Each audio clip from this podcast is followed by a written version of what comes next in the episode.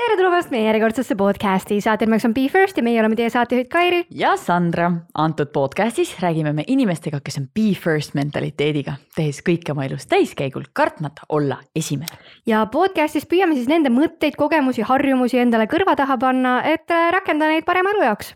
täpselt nii ja täna räägime väga põnevast teemast, millest ma arvan, et iga äh, sportlane peaks kindlasti olema teadlik. ja ka see, kes fännab sporti ehk siis tugitoolisportlane. jah, ja ka emad-isad, kes äh, noori siis trennidesse viivad ja selleks teemaks on doping ja meil on külas kaks üliägedat härrasmeest, esimene on siis endine tippsportlane Jüri-Mikk Udam. ja sporditeadlane Kristjan Port. nii et äh, vaatame kohe siis, mis sellel teemal äh, täpsemalt räägime. nii et pange käed kokku, tehke kõvasti lärmi, tere tulemast saatesse Jüri-Mikk Udam ja Kristjan Port. Sportland, Be First podcast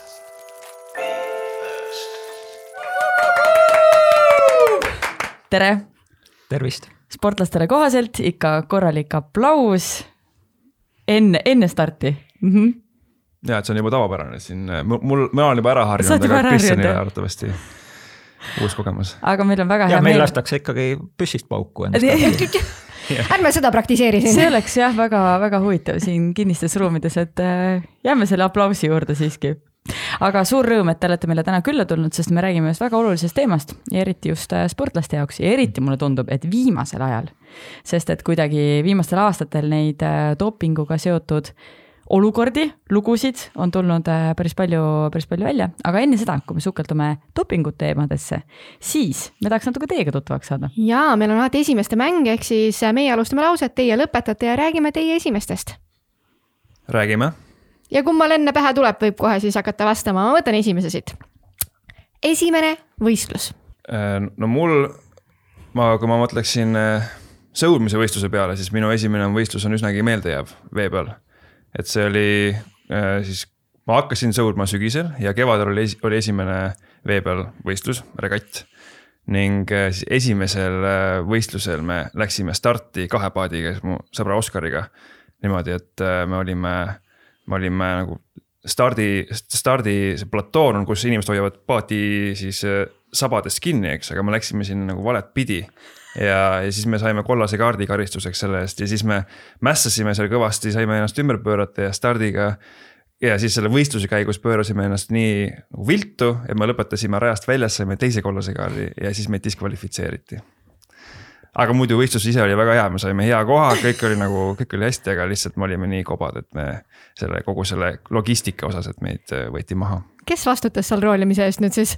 no ikka Oskar, Oskar vastutas ja ei, aga me mõlemad, me mõlemad olime, olime täiesti rohelised ja meie esimene aasta ja hea ümber ei käinud, sest et see on ka üsnagi tavapärane taks, et esimeste starditõmmetega, kui sa pole kunagi äh, võistlemas käinud, siis juhtub midagi sihukest nagu konn. ja see konn äh, keerab sul paadi plõksti ümber, kui sul jääb siis see aer sinna vee alla lihtsalt niimoodi kinni mina mõtlen ikka, et kui on nagu topelt või, või ka vähemalt kahe inimese spordiala, siis mulle tunduks, et see oleks nagu kindlam, et üks ikka mäletab, mis pidi see paat seal peaks olema. aga tundub, et see ei ole ikka nii kindel. okei no selge. Kristjan, kuidas sinu esimene võistlus läks? No ma sain nüüd hästi palju mõtelda, et äh, kerisin seda linti päris kaugele, ma arvan, et see on esimene, kus kahekümne seitsmendas koolis seal havapeatuses oli mingi palliviskevõistlus, sinna tulid mingid teised koolid ka. ja mäletan, et see jättis nagu mälestuse, et ma ei olnudki kõige halvem nagu palliviskaja, aga selline tõsisem võistlus, ma arvan, et see oli mingid Tallinna meistrivõistlused, kus ma siis olin juba natuke aega, ma arvan ka, et sügisest lähed kuhugile treeneri juurde jooksma ja siis kevadel öeldakse, et lähed võistlustele, siis ei pööranud tähelepanu. aga ma sattusin Õhtulehe, ma ei tea, foto peale ja see tekitas, noh, sellel ajal oli ajaleht oli nagu megasuur sündmus, et, et ja siis onud ja tädid igalt poolt üle linna võtsid ühendust, et, et see jäi nagu sellise mälestusena, et paljud teised võistlused ei ole meeles. okei okay,, kas sa oled üldiselt selline pigem võistlushimuline olnud oma elus või? Ma ei oska öelda nii ja naa, et, et mõnes, mõned võistlused ju ei motiveeri, vaid pead tegema, aga ma mäletan, kuna ma tõesti kergejõustikuga kõige rohkem tegelesin, siis ja ise oled noh, jooksja pigem. ma olen Valgas Eesti meistrivõistlustel käinud, kuna meie treener Toivo Ruut oli vasareitjate treener ja ta tegi trenni kodu lähedal, siis ma läksin tema juurde, siis ma heitsin võistlustel vasarat ja siis umbes poole tunni pärast jooksin kaheksasada meetrit, et. aga see, ega see mööda külge alla ei jookse, et, et sa vähemalt saad öelda, praegugi saad öelda, et te saate ainult ette kujutada, kui, kui äge vasarheitja ma olin, aga rääkides siis multispordist, eks ole, väga huvitav. ei no aga miks mitte, siin mõeldakse igast huvitavaid alasid ju välja, et äh, vasaraheide ja kaheksasaja meetri jooks kokku paneme kokku täpselt, kahevõistlus noh. ahah, aga kui me räägime, kui me räägime teist kahest, siis ma arvan, neid ülikoole ja neid loenguid, mida te kahe peale kokku olete siis õpetanud ja ka võtnud, on päris, päris palju. kui te mõtlete tagasi oma ülikooli aegadele, siis mis oli see esimene väga meeldejääv loeng? ülikoolist mm. -hmm. no ma pole loenguid andnud ülikoolis, ma õppejõud ei ole olnud. aga üldiselt sa oled ikkagi õpetamisega tegelenud, mitte ülikoolis, aga. eraõpetamisega ja noortele põhikooli ja keskkooli ja, ja isegi esimeste kursuste tudengitele, aga, aga see on nagu era, eraviisiliselt, aga kui ma, kui ülikooli peale mõelda, siis. Eh, ja siis ütleme, et lemmikaineid oli palju. Eh, ma mõtlen, ma mõtlen, et mis seal olid seal oli loogiline arutlus oli üks mu lemmikaineid. Äh, ja, ja siis oli äh, igasuguse füüsikalised, mingi kvantfüüsika ja no ma õppisin mehaanikainseneriks. Et seal oli väga palju siukseid füüsikalisi aineid nagu mingi voolutugevus ja vooluõpetus ja nii edasi. aga võib-olla see esimene, esimene kursus, mu lemmik ja mis väga hästi tasakaalustas kogu neid äh, väga neid äh, teaduslikke või neid füüsikalisi äh, aineid, oli Beethoveni keelpillikvarteti seminar et äh, see oli kindlasti üks, üks selliseid kõige huvitavamaid esimese aasta aineid, me võtsime Beethoveni elulugu läbi, me võtsime Beethoveni erinevaid keelpillikvartette läbi, analüüsisime neid siis noh, igast, igast nurgast. nii matemaatiliselt kui ka lihtsalt kuulasime ja et kuidas need üles on ehitatud, nii et. see on, see on nii-öelda USA ülikoolide üks suur pluss on see, see liberal arts ehk siis sa saad kogu oma põhifookuse kõrvale võtta ka aineid, mis on täiesti täiesti selle, selle spetsialiseerumisvälised siis. noh, nagu see või isegi loogiline arutlus on tegelikult väline aine ja mingi Briti impeeriumi ajalugu ja nii edasi, et. Need olid väga head ained väga huvitavad. no see kõlab väga põnevalt, ma just hakkasin korra esimese asjana mõtlema, et oota, kus seda Eestis õpetatakse ja siis mul viis kokku, et jaa, see vist ei olnud, see vist ei olnud see Eesti, Eesti ülikool, kus see, sellist asja tehti. Eestis ja Inglismaal ja ma arvan seda, isegi Euroopas ma arvan, et väga sellist üld või seda liberaal, seda kogu seda muud asja sinna juurde ei õpetata, aga USA-s on see väga, väga teemas. aga mis see aitas sulle, kui sa praegu tagantjärele mõtled? no mul enda huvid on väga laiad ja, ja see aitas mul aru saada enda ümbritsevast maailmast lisaks sellele väik-, sellele üsnagi kitsale spetsialiseerumisele, mida noh, et võtadki näiteks, ma ei tea, keemiainsener või mehaanikainsener või kõik, see on kõik väga tore. aga, aga et see, et et see fookus mõtlema panekul ja, ja enda ajaloo mõistmisel ja võib-olla noh, siis sellisel konkreetsel juhul ka muusika mõistmisel, ma arvan, et see teeb sind kokkuvõttes lihtsalt teadlikumaks inimeseks. väga huvitav, soovitaksite mõnedel Eesti ülikoolidel see ka võtta endale õppekavasse? soojalt soovitan. noh, kui keegi siin peaks olema kuidagi ülikoolidega seotud, kes meid praegu kuulab, et siis võib-olla tasub panna kõrva taha. aga Kristjan, kuidas sinuga? ja jällegi ma sain ja nagu soojenduse mõtelda, et, et ühest küljest see liberal arts ma mäletan ühte tehnoloogiaalast analüüsi, mis puudutas Soome innovatsiooni, et soomlased olid ühel hetkel nagu väga laine peal. ja siis öeldi ka, et, et, et seal on just see rikas kunstiga kokkupuude olnud ja Aalde ülikool, seal on need dimensioonid on just selle eesmärgiga kokku toodud, et, et sa ei ole mitte insener oma silotornis, vaid sa oled inimene, kes üritab nende probleeme lahendada, et, et me näeme Microsofti värk on ainult ümberringi on thumb user'id, kuna me oleme insenerid, me teame kõike super hästi ja Apple tegi siis vastupidi, et, et tal on seal poeete, ajaloolasi, antropolooge tööl, sest et nad lahendasid inimese probleeme. aga jah, et, et see mu enda nagu kooli mälestus ma olin suhteliselt liimist lahti, mul on kaksikõde ja tema oli viieline ja ma pidin tasakaalustama, siis ma olin nagu teisel pool. et maailm oleks ikkagi, vajuks viltu ühele poole. aga kuna kodu lähedal oli, oli pioneeride maja toona Nõmmel ja siis ma käisin seal raadioringis, kunstiringis ja siis oli fotograafias ka, et, et see oli nagu liberal arts, et sellega ma, seda ma vaatasin, et see oli nagu huvitav ja, ja nagu äge ja ma olen pärast mitu korda ette heitnud seda, et miks õpetaja sellist ja noh, minusuguseid oli teisigi, et, mul oli kergelt selline puudega klassivend, pinginaaber ja temaga me elasime siukest nagu fantaasia maailmas, käisime noh, tänases mõttes või toonases mõttes ka nagu kuritegevust harrastamas. mis ei ole nagu ühiskondlikult kuritegevus, aga teatud ikkagi piiridest satud üle, ronid seal üle aia ja muugid uksi lahti, mäletan kooli, kooli koristaja võtmed võtsime, kuna ma olen filmist näinud, et, et sa saad plastiliinist teha neid koopiaid, siis me üritasime seda teha ja siis me murdsimegi väga paljudesse kabinettidesse sisse ja ajalooõpetaja oli kui me ükskord vahele jäime, siis ajalooõpetaja ütles ja ma mitu korda mõtlesin, et miks mu võti on niisugune teravaks muutunud aga et see oli selline periood.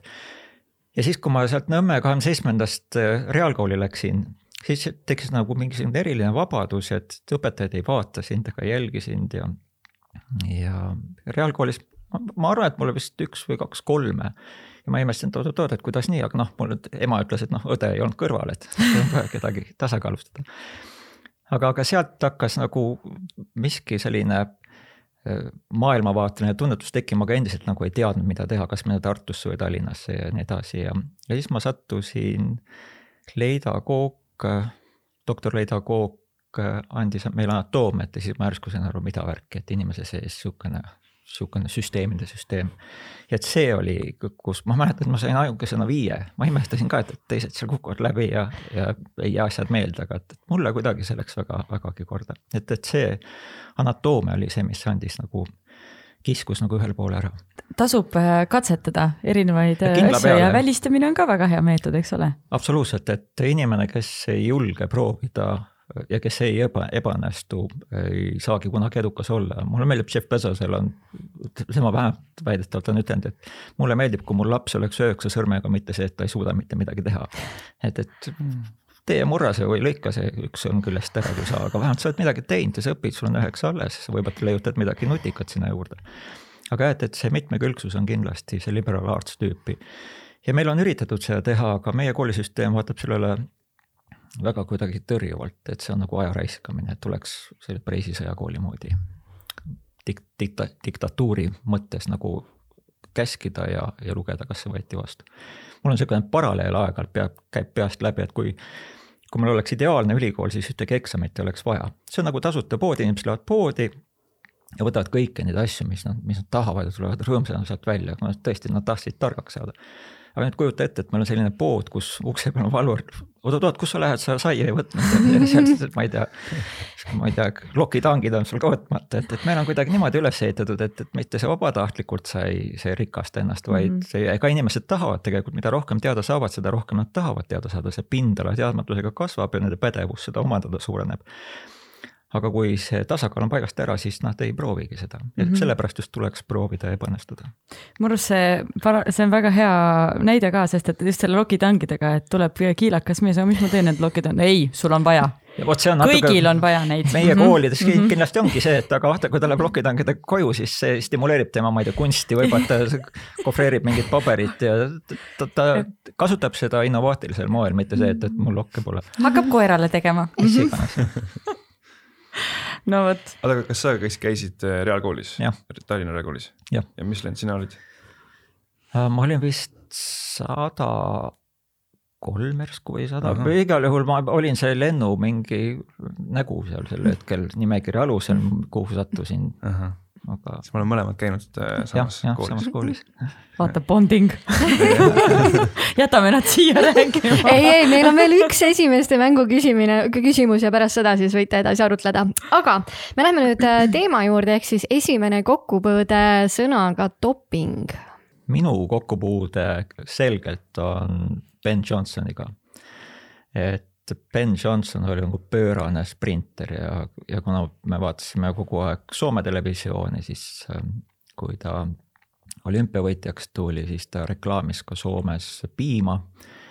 ja see oli kõik äge ja ta tõesti oli teistest nagu peajagu üle ja see Ben Johnson oli nagu oma olemuselt sihuke positiivne tüüp ja kui ma mäletan seda selgelt, kui Soome uudistest tuli, et noh, seda võiks kuskil mujal teatada, aga see on põhiuudistes, mitte spordiuudistes et Ben Johnson on, on dopinguga vahele jäänud ja hakkab see värk peale, siis ma mõtlesin, et, ohoh, et, et see oli nagu esimene kord, mis mul selgelt on meeles, et selge see, et sa kuuled sellest dopingust, aga see ei, ei läinud mitte kuidagi korda. Kas see, see huvi tekkis sellest hetkest või neid kokkupuutepunkte oli? ei, ma arvan, et see huvi, ma tegelen tehnoloogiaga ka, et, et, et see on vaikselt kasvanud niimoodi, et ma olen üritanud aru saada, et, et kus asub see inimvõim, et, et, et me teame, et inimene omab bioloogilisi võimeid, aga kui ta oma tööd organiseerib, siis ta suudab neid võimeid paremini kasutada, näiteks ettevõtted organiseerivad inimesi korraldavad tööaega ja koostööd, et mitte midagi muud tehnikat pole vaja. ja siis, kui sa tehnika lisad, siis inimese töövõime paraneb veelgi rohkem ja siis tekib see küsimus, et kui, kui palju sa saad seda parandada ja mis, mis on need vahendid. ja nüüd ma üha rohkem olen täiesti selge endal välja kujunenud maailmavaadet, kuhu suunas me liigume, et, et me kindlasti liigume linnastumise suunas, kindlasti liigume sellise energia sellise Äh, välisenergia tõhusama kasutamise suunas ja enda energia vähem kasutamise suunas, kuna kõik see meie energia tuleb väljaspoolt ja me ei ole kõige efektiivsemad töötajad. ja siis, siis me näeme, et me automatiseerime kaotame oma bioloogilist võimekust ja siis me lainena tuleme tagasi jälle sellesse teise paradigmasse, kus me oleme reaktiivsed ja läheme seal kangast telgi purustama. saamata aru, et tegelikult me kogu aeg üritame optimeerida seda, et me peame saama toitu väljaspoolt, energiat väljaspoolt, informatsiooni omavahelist koordineerimise nimel ja ja see viib meid linna, et see ei, me võime öelda ka, et linnas viskab üle, aga linnas on kõige rohkem ülikoole, linnas on kõige rohkem seda inimloomingut. linnas on kõige rohkem kuritegevust, aga tervishoiuteenused on jällegi kõige kättesaadavamad ja et, et see kõik näitab, et me võime aeg-ajalt reaktiivselt minna nagu väljapoole ja see, see on selline suurem maailmavaateline otsing, et see sõna doping on seal sees, et me üritame nagu shortcut ida, et ma ise ei, täiesti unustan ära sellise moraalse dilemma, et meil kindlasti on see moraalne osa ka, et, et inimesed lepivad jalkas kokku, et käega palli ei mängi, siis ei mängi. see ei ole politsei poolt kästud nii, nii mängida. aga, aga see, see, see, see probleem on rohkem selles, et, et me pingutame, aga meil tuleb piir ette ja siis me suudame selle masina rohkem jälgida kui inimest ennast. ja vot see on see koht, kus me ootamatult avastame, et nüüd tuleb midagi nagu väga kiiresti teha, tervishoius meil on skalpell ja meil on ravim, et me sekkume väga robustselt sellesse väga peenelt häälestatud süsteemi. ja spordipraktika on ju tegelikult kõige rohkem ära mõõdetud töine panus, kõige täpsemini mõõdetud, kõige täpsemini rahastatud süsteem. ja seal on siis paratamatult seda dopingut kasutatakse täiesti sellise peaaegu et nähtamatu käsi, nagu John Adams, Adams kunagi, et, et, et mis käsi suunab seda, seda värki, et, et see on, moraal on jah olemas seal taustal, aga ta on tegelikult selline suurem arengufenomen. ja noh, me näeme neid spordialasid ka, et, et su paadile ei tohiks su propellerit alla panna. Mm.. aga ühel hetkel tekib arvatavasti mingi hübriidala, kuna see vajadus peaks lühem olema, te peaksite nagu võitlema naaberpaadiga, pealtvaatajal on vähe aega, ta peab kiiresti saama selle doosi kätte, siis sa ütled, et ah need jah, need vanad klassikalised alad, et see on nagu lubjakate värk. või nagu ujujatel need trikood. ja just neid sa näed ja linna toodi siin mitmed aastad tagasi, Tallinnaski oli kesksuve oli lumi väljas. Raekoja platsis lihtsalt suusatati ja mille pärast Euroopas vaadatakse palju rohkem laskesuusatamist. Action'it on seal palju, see on lühike, emotsionaalne ja no osalejatele ta on ka tegelikult äh, palju põnevam ja just, meesterahvastele meeldib see tehnoloogia pool ka, et, et saab ikkagi seda piltlikult öeldes püssikaba poleerida. no see toob, toob meie aju ja mõtlemise tagasi ka kuidagi sellisesse nagu sellesse ürgaega, et midagi lastakse, mingi märk ja siis sa pead jälgima seda, et kes laseb täpsemalt. jah, see võistluse moment inimestes on olemas, aga see ei, jah, see on mitte ürgaeg, vaid see on elus materjali puhul, et, et me peame signaliseerima oma võimeid, et et mitmerakulised süsteemid, organid, organismid, meil on erinevad paljunemisviis, meil on kloonimised ja meil on mingi saja viiekümne miljoni aastane plantaaris niisugune uss, kelle lõikad pooleks, ta lihtsalt paljuneb, ta enam on sada viiskümmend miljonit aastat vana, ta lihtsalt lükkab kogu aeg jupikesi juurde. meil, meil nagu antakse kaks sugu on ja siis nad annavad äh, kombinatsiooni informatsiooni, mis selle bioloogilise materjali hiljem kokku korjab ja tekitab selle inimese, kes, kes annab edasi ainult selle selfish gene'i ise, ise ka geeni mõttes. et need, äh, need äh, signaliseerimine, et, et kui ägedad geenid minus on, on, on see kõige tähtsam osa et see on, naised on süüdi siin loomulikult, et, et, et kust see võistlusmoment tuleb, et üle kaheksakümne protsendi naiste geenid on põlvest põlve edasi antud, meeste geen on vast nelikümmend protsenti nii et kõik, mis on hea, on meestest, kõik, mis on halb, on naistest, et ja siit tuleb üks väga hea headline, kes iganes äh, nendest meediaväljaannetest selle esimesena üles korjab, quote. aga kuidas sinuga on, Jüri Mikk? Ma arvan, et minu esimene selline reaalne kokkupuude või kus ma, kus ma hakkasin äh, dopingu, dopingus muutusin teadlikumaks, et kindlasti enne oli ka mingisuguseid selliseid mm, olukordi, aga umbes, umbes kümme, üksteist, kaksteist aastat tagasi. et seal, ma arvan, et seal on mitu sellist äh, juhtumit äh, ühes puntras koos, et üks on äh,, on Andrus Veerpalu juhtum, mis oli, ma ei tea, Kristjan, sa tead paremini, mis aasta see oli, mingi kaks tuhat kümme, üksteist, midagi sellist äh,. siis oli äh, Lance Armstrongi juhtum, mis sai väga palju meediaga ja. see oli enne ju äh,. Lance Armstrong olid pika aja jooksul. jah, jah ja, ja no kolmas oli see mu enda kogemus, et kui ma, kui mind hakati nii-öelda dopingu kontrolli käigus siis äh, testima.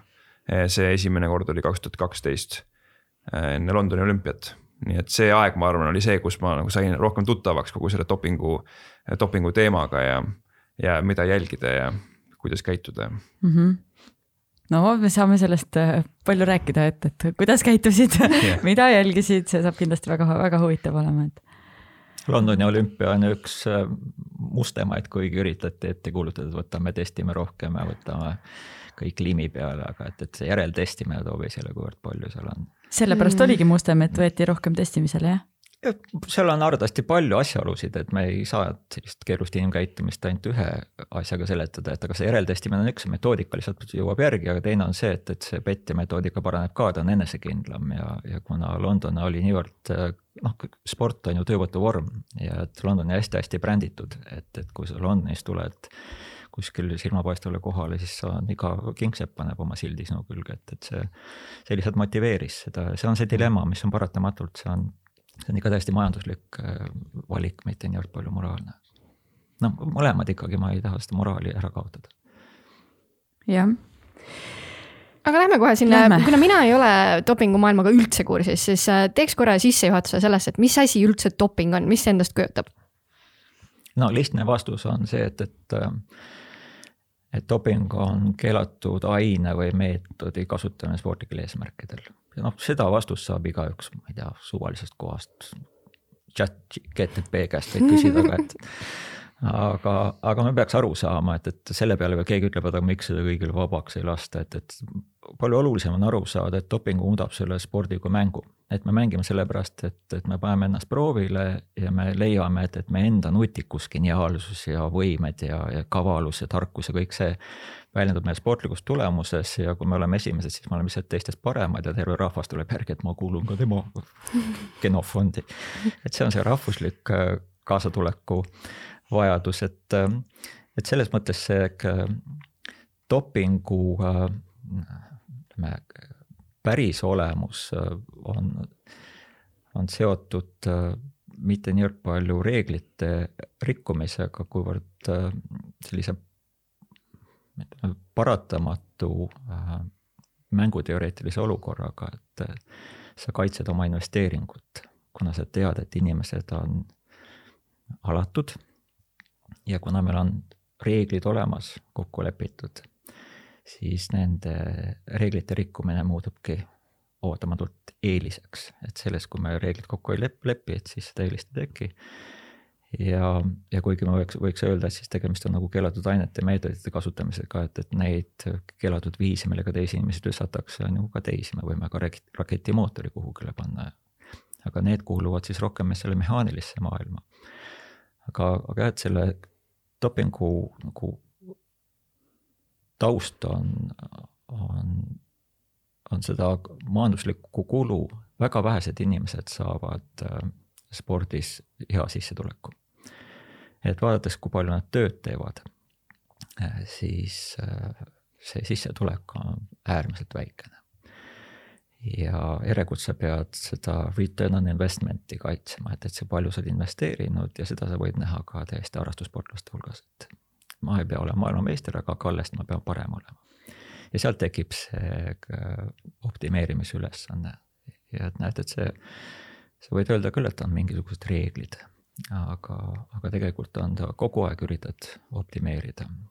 ja noh, me näeme ka selles dopingumaailmas on ju äh,, meil on ained, mis on nimekirjas, aga siis miks siis neid juurde mõeldakse, aga see tähendab, et tegelikult on vaja kogu aeg tegelikult sellest reeglist pääseda ja siis vaieldakse, kas see aine, kas selle aine kasutamine on lubatud või mitte, näiteks rattaspordis on osa ained keelatud, mis mujal on veel lubatud. ja noh, kohvi ja kofeiin on olnud siin aastate jooksul selline huvitav teema. Et aga, aga näed, et see on tegelikult inim-, inimese pidev pürgimus siis oma, oma töövõimet äh, kuidagi edendada. Ja, ja hästi oluline on veel see, et et kui, kui me mõtleme spordialadele, siis rekordeid püstitavaid spordialasid ei ole kõik spordialad, on kergejõustiku ujumine, võib-olla sinul on ka ju rekordid, aga eks see sõltub väga palju ka keskkonnast, et see rekord niivõrd tähtis ei ole. Aga peamine on see, et kumb võidab.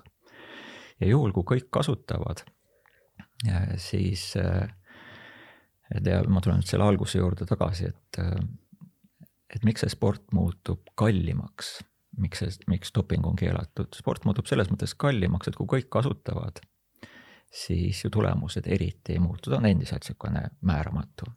küll aga sa pead maksma dopingu eest, ütleme, et on lubatud, aga sa pead kogu aeg võistlema, et kellel on parem, parem, parem ja teiseks sa sätid ennast suure, suure riski alla, kuna sa oled enam nagu skalpelli ja, ja ravimiga lähed, et neil kõigil on kõrvalmõjud olemas. ja dopingu keelamise noh, selleks lähtekohaks ongi see algupärane keelustamise laine tuli sellest sportlased ise ütlesid, kuule, et meil saavad inimesed surma. et, et see, et sul on ratturil tagataskus oli metamfetamiini, sihuke kotikeses lihtsalt loksus kaasa seal Taani ratturid lihtsalt meeskonnasõidus, sureb mees, oma, oma meeskonna käte vahele lihtsalt rattur ära. Ja ta on lihtsalt ennast üle eru, ergutanud või väsimusega võidelnud, nii et, et see, see hind läheb niivõrd kalliks, et kõrvaltvaataja ütleb, et oot-oot, mis sport, et see, see on ju vastik. Et sul võib algus küll olla huvitav, et kes teeb maailmarekordi, aga lõpuks need rekordid jõuavad ikkagi sellesse piirajasse, need rekordid ei oma tähtsust. aga see võidu puhul lihtsalt äh, keegi ei ütle, et lapsed, kuulge, et hakake sporti tegema ja mis vanusest ma sulle neid keerulisi aineid hakkan ostma ja.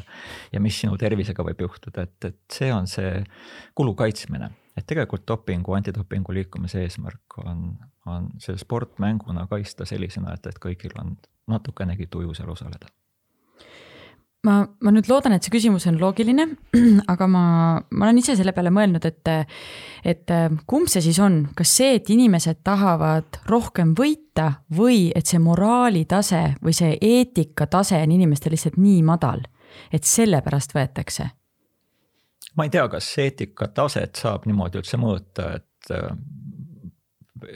selle üle on filosoofid kaks pool tuhat aastat ju vaielnud, mis on moraalselt õige valik.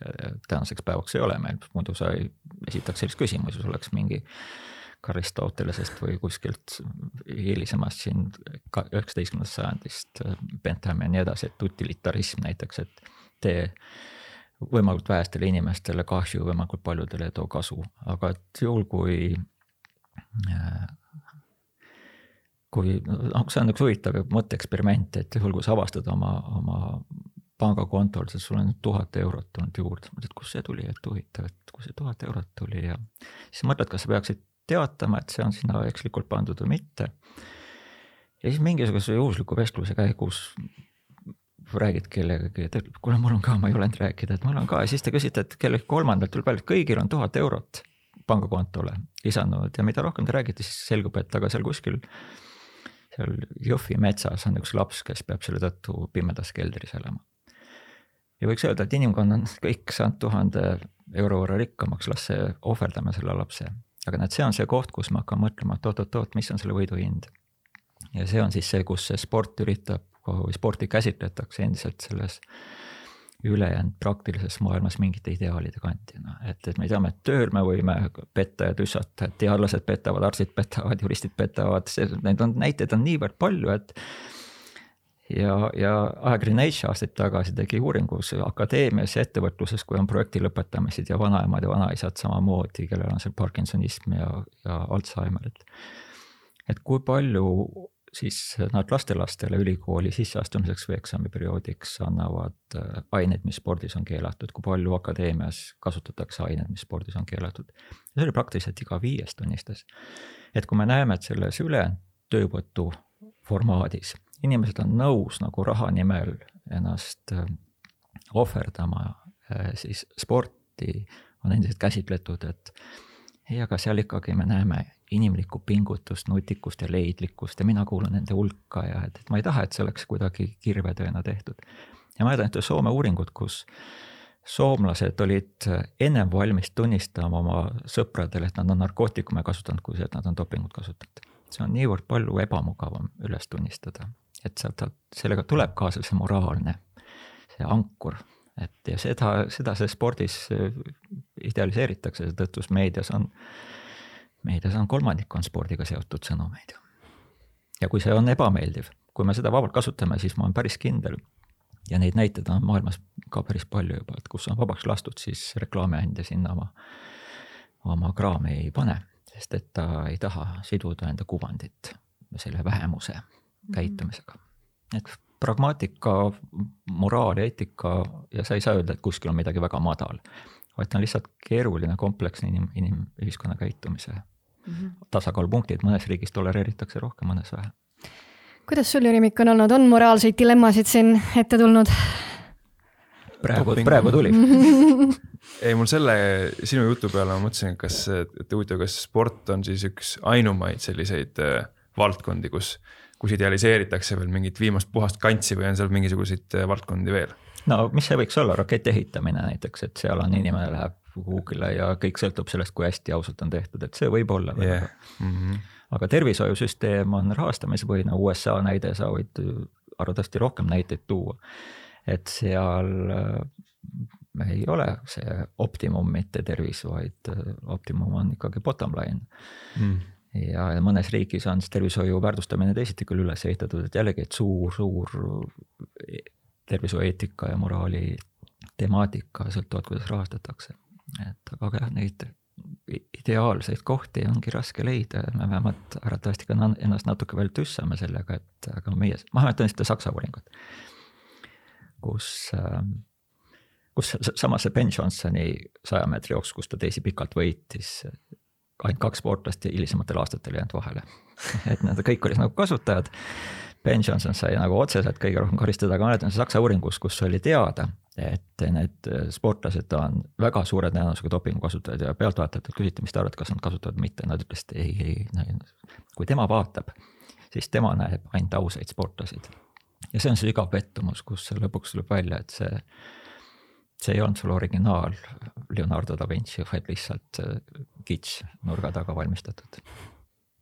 aga no mul on, äh, ma ütleks, et ma olen väga suuresti Kristjaniga siin äh, ühte meelt või selle, just selles pooles, et, et et sul on mingisugused reeglid, mis võimaldavad siis panna seda nii-öelda ennast siis kas su sisemiste füüsiliste näitajate või nutikuse või kavaluse, mis iganes nurga alt proovile, et ma olen seda meelt siis, et, et, et see võiks olla võimalikult noh, põhimõtteliselt, et, et et seal on, et see on selline moraalne küsimus ka, et kas sa, et ma olen seda meelt, et see peaks nii olema mm. -hmm. et, et, et see ongi see, mille pärast ma seda sporti teen, võib-olla, et panna ennast proovile ja siis sa saad ka mingi väga huvitava hea võrdlusmomendi aga et ühest hetkest, et kui see muutub sinu jaoks äh, noh, nii-öelda rahaliselt äh, määravaks, et äh, kuidas säilitada siis mingisugust olemasolevat sissetulekut või.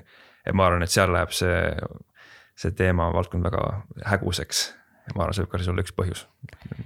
aga kas sellist nagu nördimust ei ole, et teed tööd, teed, töötad, vaeva ei tule, ei tule, ei tule, et no nii lihtne oleks ju korra võtta natukene abi siis peaks magama no.. ma ei oska sulle öelda seda see dilemma on kõikide sportlaste ees, et nad teavad, et kasutatakse, et kas ma peaks või ei peaks, et, et tehakse selline selge valik. aga et see, eks mänguteoreetiliselt me võime hästi palju arve visata siis vaadata, et kuidas see, kuidas see välja jookseb seal, et, et, et see osa, kes kasutavad, nende töövõime tegelikult äh, ei parane. et, et noh, doping ei ole lihtsalt, et ta mingi imevahend, siis ta oleks meil ka tervishoiusüsteemis väga selgelt, et võtame ja parandame ja hüppame posti otsa. ja, ja teisest küljest siis selle, selle kulupool on, on see, mis on ettearvamatu, ta ei realiseeru sellel hetkel. ta realiseerub palju pikema aja jooksul ja et, et need on need äh, riski, riskipooled, millega ei osata lihtsalt arvestada. aga mida see doping üldse inimese kehaga teeb? et võib-olla vaatame kõigepealt seda, seda kasu osa ja siis seda, seda negatiivset osa. no nii nagu arst äh, sekkub kehasse, et me võime vaadata kahtepidi, et kui inimesel on mingi normaalne keha olek, et ta suudab bussile joosta ja tal on kehatemperatuur normaalne, veresuhkrutase normaalne, et kui need lähevad paigast ära, siis ta on, töövõime langeb ja ta võib mingid haigused esile tulla. et kui tuleb normist välja, siis arst on see, kes teisel pool aega, aeda ütleb, et oot-oot-oot, et kus sa lähed, et, et annan sulle ravimeid või, või lõigun natukene, et sind normi taastada sportlane ei taha normaalne olla, sportlane ei taha olla Aarju keskmine, et, et oleme kõik samasugused, sportlane tahab just normist üle minna, sellepärast sa võid näha neid megadoosides vitamiine kasutatakse, mis toodab hästi, hästi kallist uriini.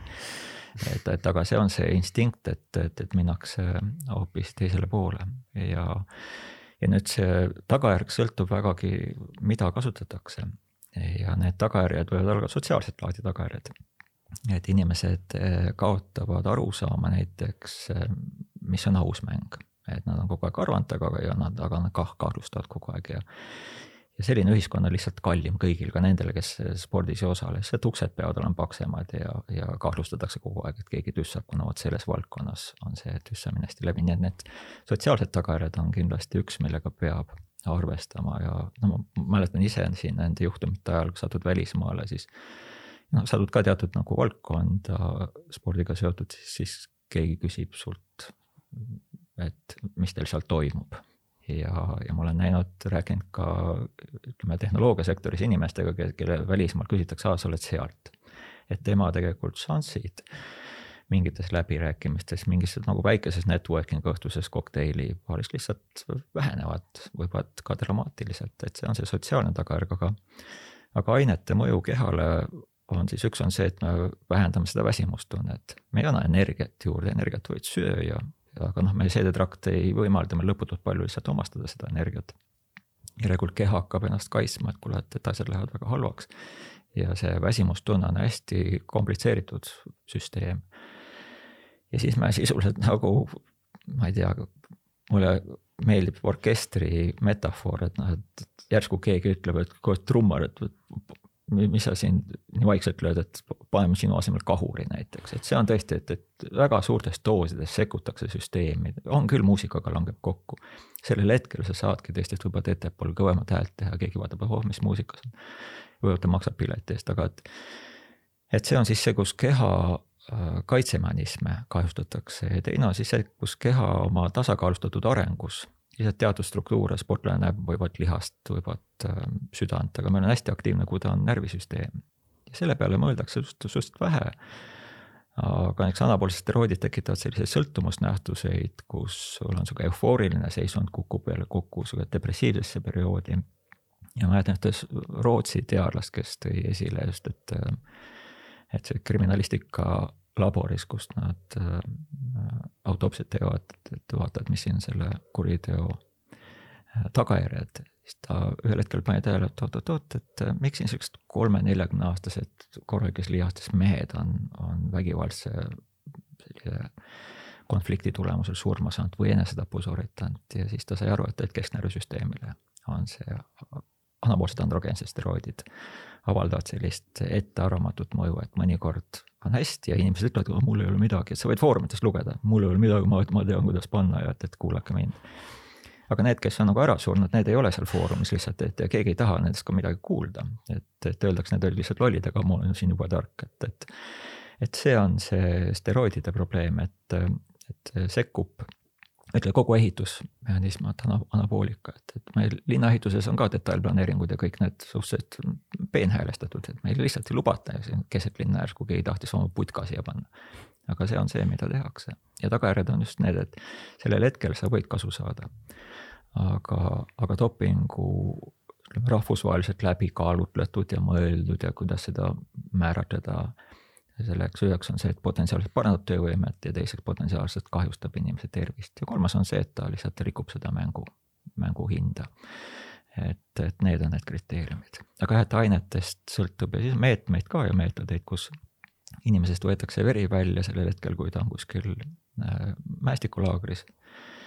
ja siis, kui tuleb võistlema tagasi, nüüd see meie viimane äh, suusaskandaal on sellega seotud siis see verd ei hoita korralikult, see on teada neid juhtumeid, kus inimesed on lihtsalt äh, väga tugeva anafülaktilise šoki saanud või immuunsüsteemi tugeva reaktsiooni saanud ja, ja vurut-, vurutamisnähtuseid on olnud. Ja see Venemaa juhtumis oli ka, et, et naissportlase uriinist leitakse nii naiste kui meeste äh, geene, et, et, et how come, et, et see, et, et see, see, see pettus ei ole nii hästi kliiniliselt kontrollitud, kuna see peab olema kogu, kogu aeg varjatud et sellist järelevalvet ja garantiisid safety net'i ei ole seal ja see lihtsalt jamad juhtuvad ja ja juhtub niimoodi, et, et see inimene ei oska kedagi süüdistada. tihtipeale süüdistab ennast ja, ja vaikselt sureb tee äärde ära, tihtipeale vähktõbe kaudu või äh, halva käitumise kaudu. tippspordis sa leiad neid halva käitumisega sportlasi piisavalt palju. Okei okay,, vau. lühike vastus, et ärge kasutage ma mõtlen, et Ürimik, noh, sa oled olnud spordis kaua aega ja ma saan aru, et sa ikkagi jälgid ka, mida teised teevad. et kas on olnud mõni selline case, mis sulle endale läheb, selle kohta nagu läheb hinge, on võib-olla nagu keeruline öelda, aga midagi, mis on sind nagu tõsiselt häirinud? ma ütleks, et okei okay sa mõtled nagu üldiselt eh, kogu spordimaastikul? jah, ja midagi, noh, sina, sest et sa sportlasena, sina puhta sportlasena, sa röög, rügad tööd teha, näed yeah. vaeva ja siis keegi lihtsalt nagu, kes on, ma ei tea, võtnud mingeid suuri medaleid, kõik mingid sangarid, värgid, värgid, särgid. ja siis sa näed, et see tegelikult ei olnud aus. no kõige lähedasem selline, otseselt see mind ei häirinud, et see ei tekita minus mingit suurt sellist viha või emotsiooni aga mis tekitas mu suurt üllatust äh,, tagantjärele oli, oli meil nüüd just Tokyo-eelne kvalifitseerumine, kus me, meil oli kvalifikatsiooniregatt äh, Šveitsis ning kaks paati sõid edasi. ja me olime, me võitsime, meil läks väga hästi ja, ja me võitsime väga-väga napilt Vene neljapaati. ja siis lõpuga tulime ja panime neist äh, mööda. aga mis siis sai, eks põhimõtteliselt mina, meie Venemaa saime siis äh, olümpiapääsme, aga ja, ja Leedu oli kolmas, Leedu jäi napilt välja. aga mis siis sai, oli see, et äh, Venemaa kaks koondislast jäid äh, dopinguga vahele, siis selle kvalifikatsiooni ehk siis maikuu ja siis olümpia ehk juulikuu vahel.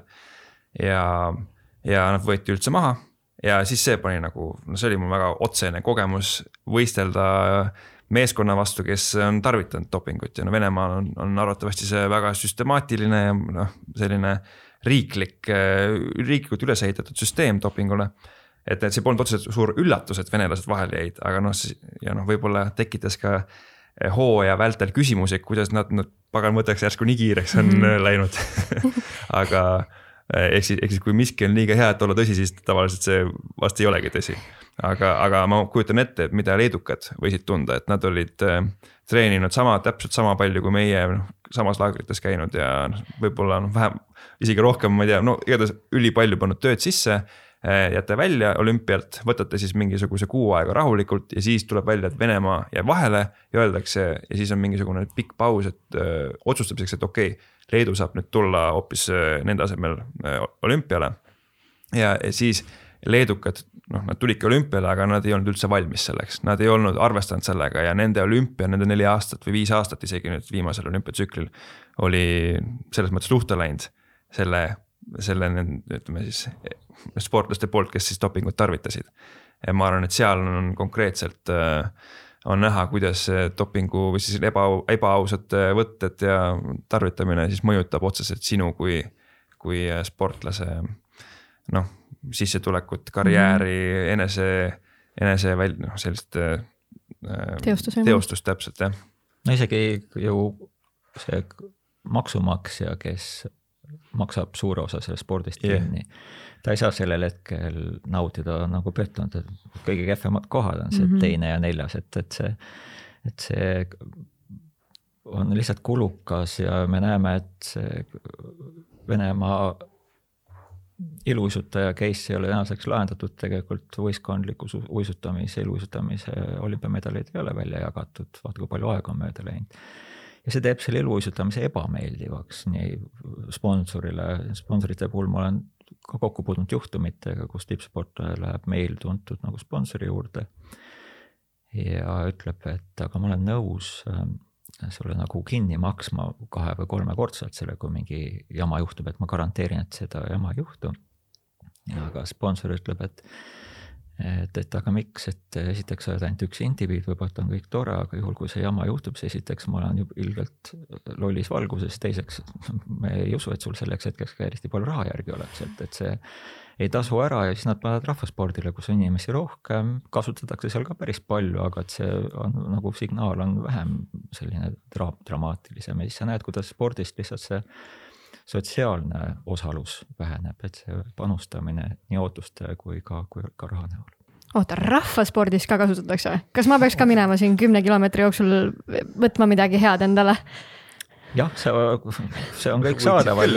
mine selle Red Bulliga parem. kus see saadaval on või kuidas see nagu, ma saan aru, et Venemaal on nagu riiklikul tasandil see okei okay, on ju, aga kust üldse üks sportlane saab dopingut? Dark web tark web tark web on kindlasti üks, no meil on toll üritab seal mingit korda pidada, aga et ega see ka väga hästi ei õnnestu, aga et, et sa lähed kuhugile äh, välismaal Türki näiteks võid apteegist kaasa võtta, mida mm. iganes ja et, et see neid, sa võid siin jõusaali minna, et, et mul on paar üliõpilast, kes on, kes tõi, et näiteks kuule, et mis värk see on, et mul seal kapi põhjas oli ja teine lihtsalt pildistas, ta ei tahtnud seda nagu puutuda ja et mõlemal juhul steroidide niisugune leht oli seal kahvipoest, sest eelmine vana oli lihtsalt oma kotist nagu mööda pannud mm. midagi, et, et.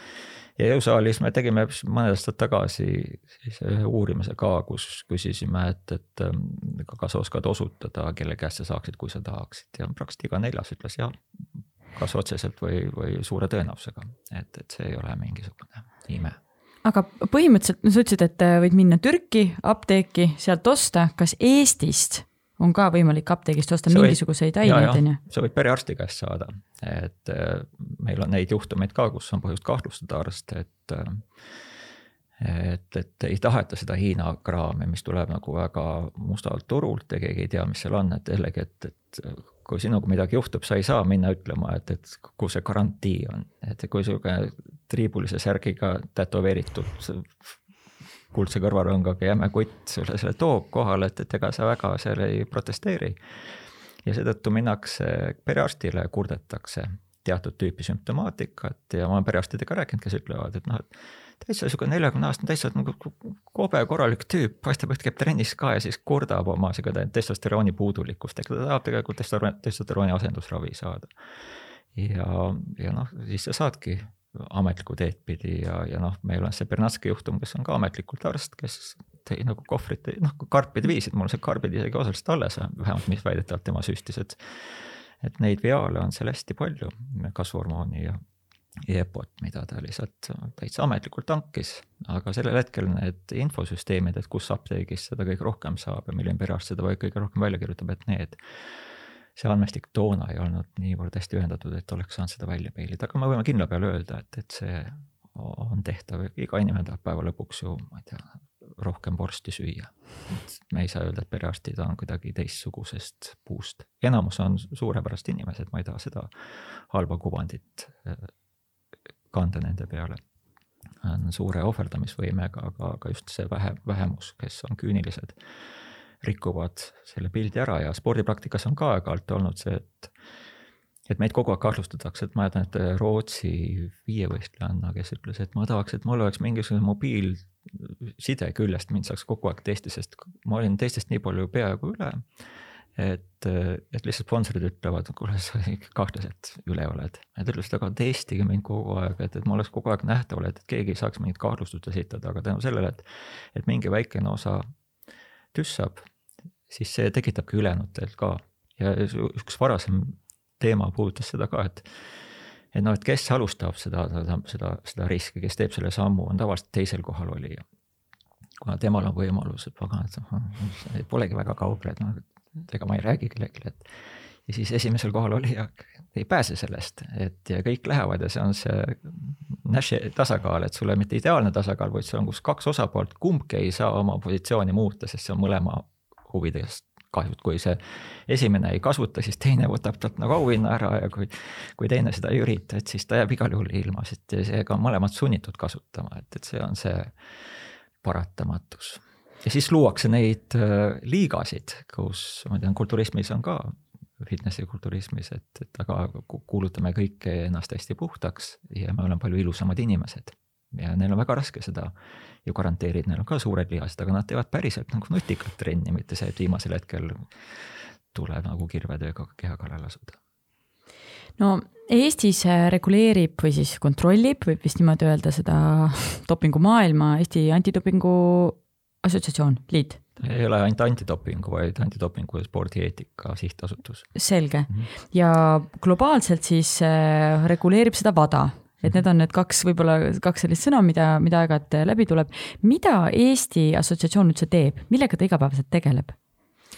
noh, kui ma kõigepealt lähen korraks selles nagu ülemaailmsesse olustikku, et, et kui Eesti tahab võistelda ülejäänud maailmaga, siis meil peab olema garanteeritud, et meil on pädev dopinguvastane süsteem olemas.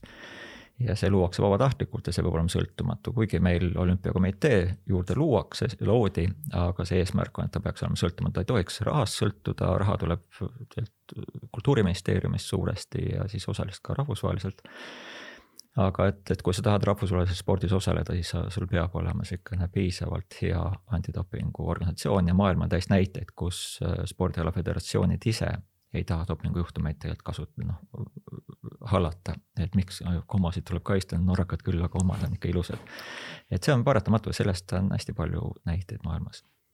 ja, ja nüüd Eesti antidopingu ja spordieetika, mis on need hilisemad lisandunud tänu sellele, et et kokkuleppemängudes rikutakse samamoodi seda spordi, spordist oodatavat hüvesid ja majandust rikutakse ja organiseeritud kuritegevust soodustatakse.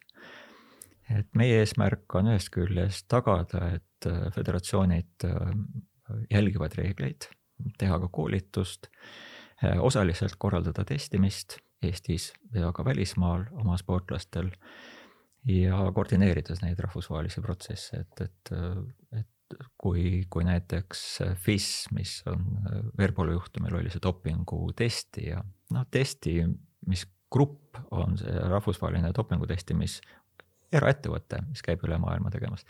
et nemad palkasid Eesti testijad küll, aga, aga see ei ole üldse Eesti antidopinguga seotud selles mõttes ja kui FIS korjab andmed, siis meie enam ei saa sinna sekkuda, et neid juhtumeid maailmas on ka olemas, et, et kus äh, rahvusvaheline föderatsioon leiab, et kohalik sportlane on seal pettur olnud ja siis kohalik föderatsioon läheb teda kuidagi kaitsma, et näidake neid andmeid ja me hakkame ise vaatama ja te olete siin eksinud. meil ju see suusaspordiföderatsioonis oli seda pool ajal päris kõvasti kuulda ja tunda.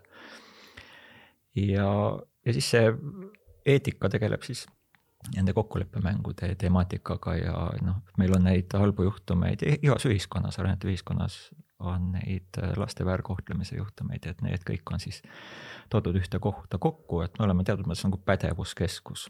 et me ei ole politsei, et kui meie viime läbi testi, siis meie lihtsalt ütleme, et näed, et ohoh, selline tulemus ja see tulemus äh, saadetakse siis äh, seesama sportlane, kelle kohta see on võetud ja tema kolmas osapool on föderatsioon tahate vaidlustada, tahate üle testida, et siis see on meist sõltumatu, et see lihtsalt äh, tehakse, aga meie hoiame silma peal, et keegi seal mingisugust trikki ei tee.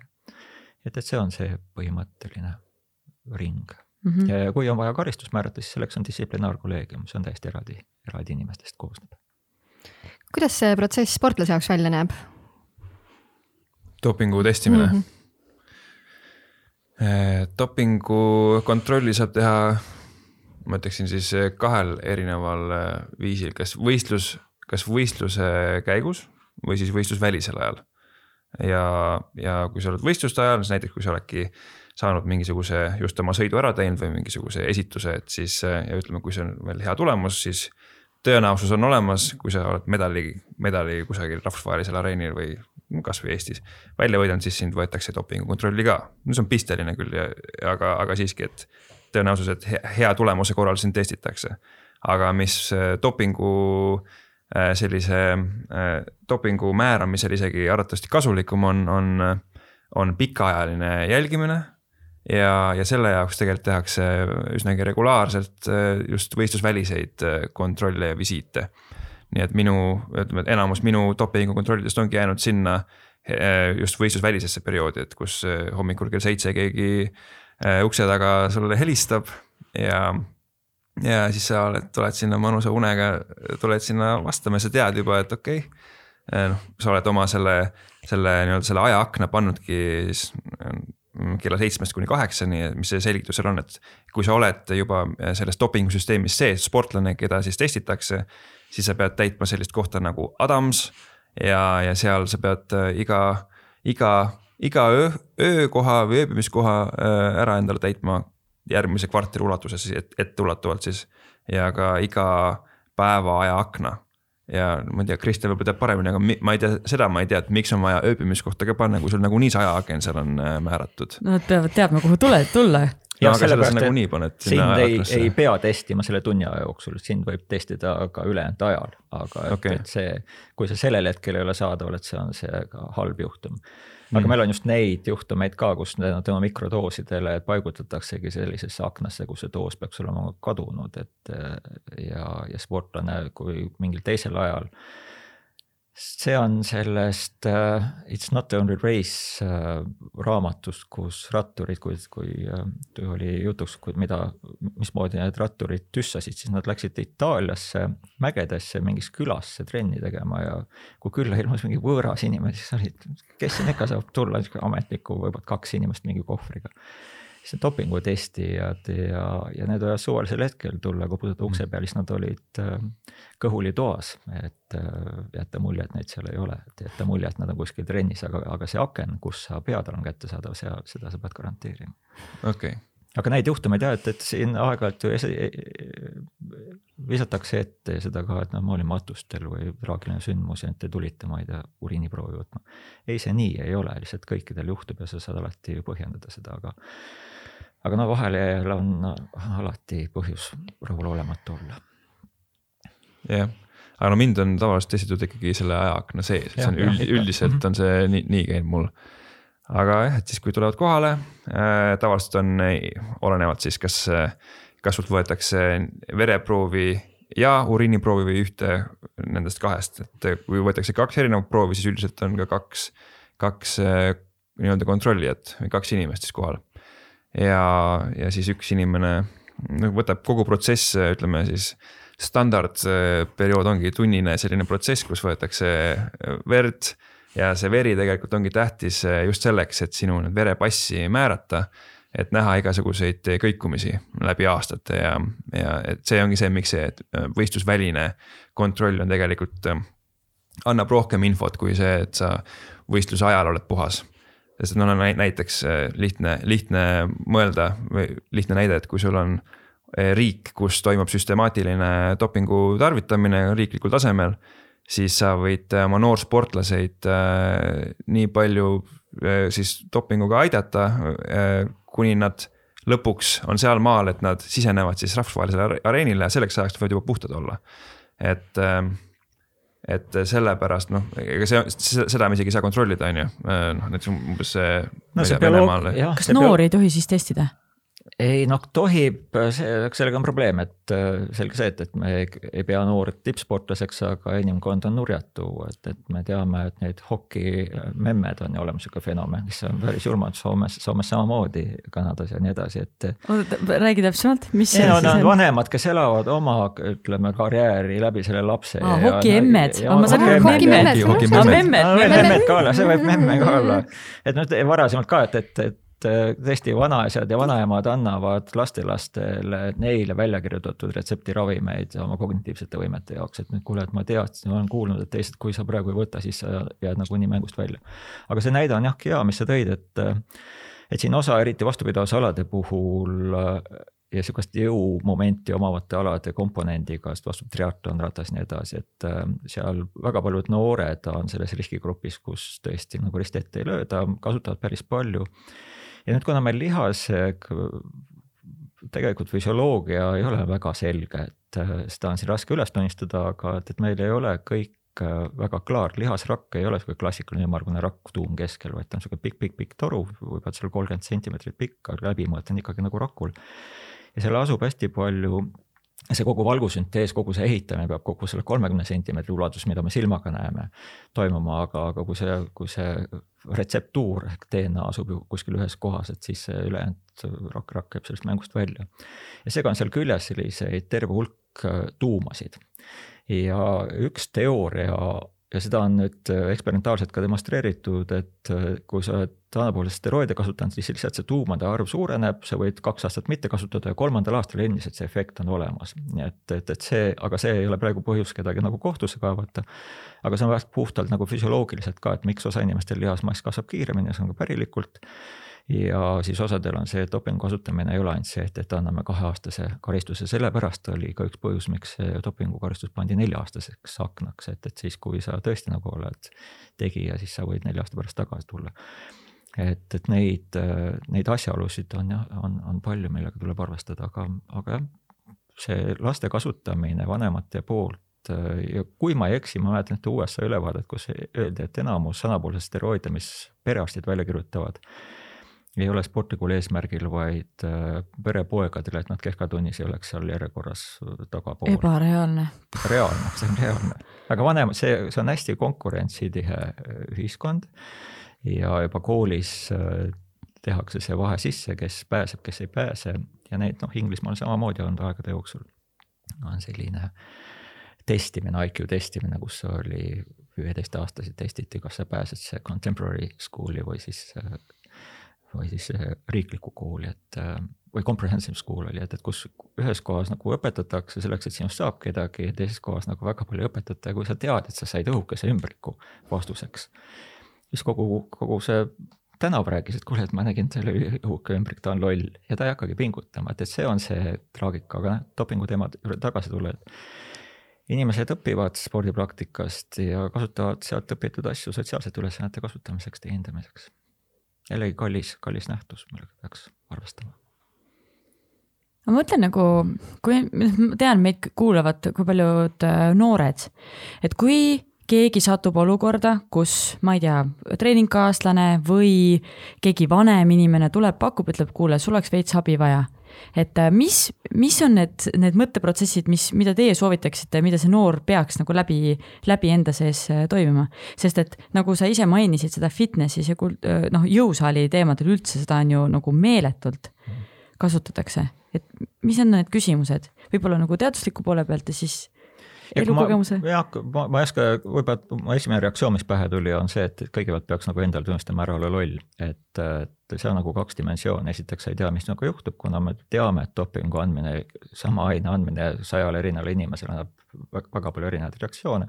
Ja osade töövõime üldse ei paranegi, et, et see ja, ja sul võib midagi muud juhtuda, kuna see on see üleminekuperiood, et see on peamiselt sugulise küpsemise periood, et kui sa sinna, kus nagunii hormonaalne muutus on hästi suur, kuna sinna nagu midagi sisa, lisad, siis see kahjustab seda bioloogilise protsessi arengut, et meil on siis negatiivne tagasiside, mis öeldakse, et kuule, et sul juba on, et mida me siin teeme, et, et kohe lihtsalt närbuvad ja kärbuvad. Ja ta kaotab mingit potentsiaali, aga noh, laste puhul me ei saa rääkida, et kuule, mõtle oma tuleviku tervisele, et neil on kõik väga hästi, nad viska vastu asfaldi ja jookseb edasi, viska kolmekümne aastane ja jookse edasi hoigab seal. et aga, et, et talle lihtsalt tasuks tuua see, see mõte, et, et ära ole loll, ühest küljest äh, on see, et, et risk on ebamäärane ja see ei garanteeri sulle midagi. aga teine on see, et kuule, aga proovi olla nutikas. et, et me teame, et kehast on võimalik rohkem seda töövõimet kätte saada ja ma olen täiesti kindel, et see kaks-kolm põlvkonda, kus seda dopingut on nagu pööraselt just rahvusvahelise poliitika, majanduse tõttu kasutatud, et, et, et me võime alati öelda, et noh, et, et norrakad kasutavad lihtsalt paremini. nüüd on, see on sellepärast, et me oleme lihtsalt nii rikutud, aga ma võiksin mõelda ka, et oot-oot-oot, järsku nad teevad midagi õigemini. ja see on just see pürgimus, personaalne, isiklik äh, challenge või väljakutse, et et järsku ma olen nii tark ja noh, ebaõnnestumiste kaudu saab targaks, see, et sa üheksa sõrmega kuldmedali vastu võtad, on täiesti fine, et, et sa pead riskima, aga sa tulemus on see, et see on pikaajaline äh, meelehea. ja kui sa oled äh, suurepäraselt õppinud, sa ei pea tegelikult spordipraktikas oma selle vorsti koju tooma. et sa oled lihtsalt inimlikult palju väärtuslikum, sa oled hakkamasaaja, et, et see on jällegi, et see intellektuaalne pingutus vast esimene mõte on, et ära ole loll. Ja teiseks, et kust sa raha saad jah, muu asja peale ei saa enam raha. ei saa kinno no,, ei saa minna noh, no come on noh. ta ostab kõige odavamat crap'i, mis talle müüakse, noh, ma olen näinud, ma olen nendes koosolekutes olnud, kus kus äh, rahvusvaheline politseiorganisatsioon lihtsalt kirjeldab ühte Taani kahe venna ettevõtet, kes tegelesid värvide segamisega, garaaž värvi segamisega ja nad läksid sinna vaatama, nad regulaarselt ostsid sisse ligemale miljon kapslit, seda ravimikapslit, tühja kapslit, mis, mis värk on oli välja, et nad enam-vähem sama segupotiga lihtsalt segasid seda steroidipudru. aga veebileht on kliiniliselt nii puhas, et sa, sa hakkab nagu endale hakkab sügelema, tahaks ennast pesema minna, et, et see jätab veebileht. veebileht ju töötab väga hästi, et, et me oleme kliiniliselt kontrollitud ja allume kõikidele toredatele asjadele, meil on siin kaheksa arsti vaatavad sulle otsa, et meie teame, aga taustal on lihtsalt kaks juhmardit ja, ja BBC-l oli mõned aastad tagasi ka dokumentaalfilm, kus lihtsalt kummikinnastega mustanahaline tüüp lihtsalt, et mul on sissetulekut vaja ja kuna jõusaalis ostetakse seda, seda tõesti nagu risti ette löömata, siis ta ütles, et see on nii, nii mugav business.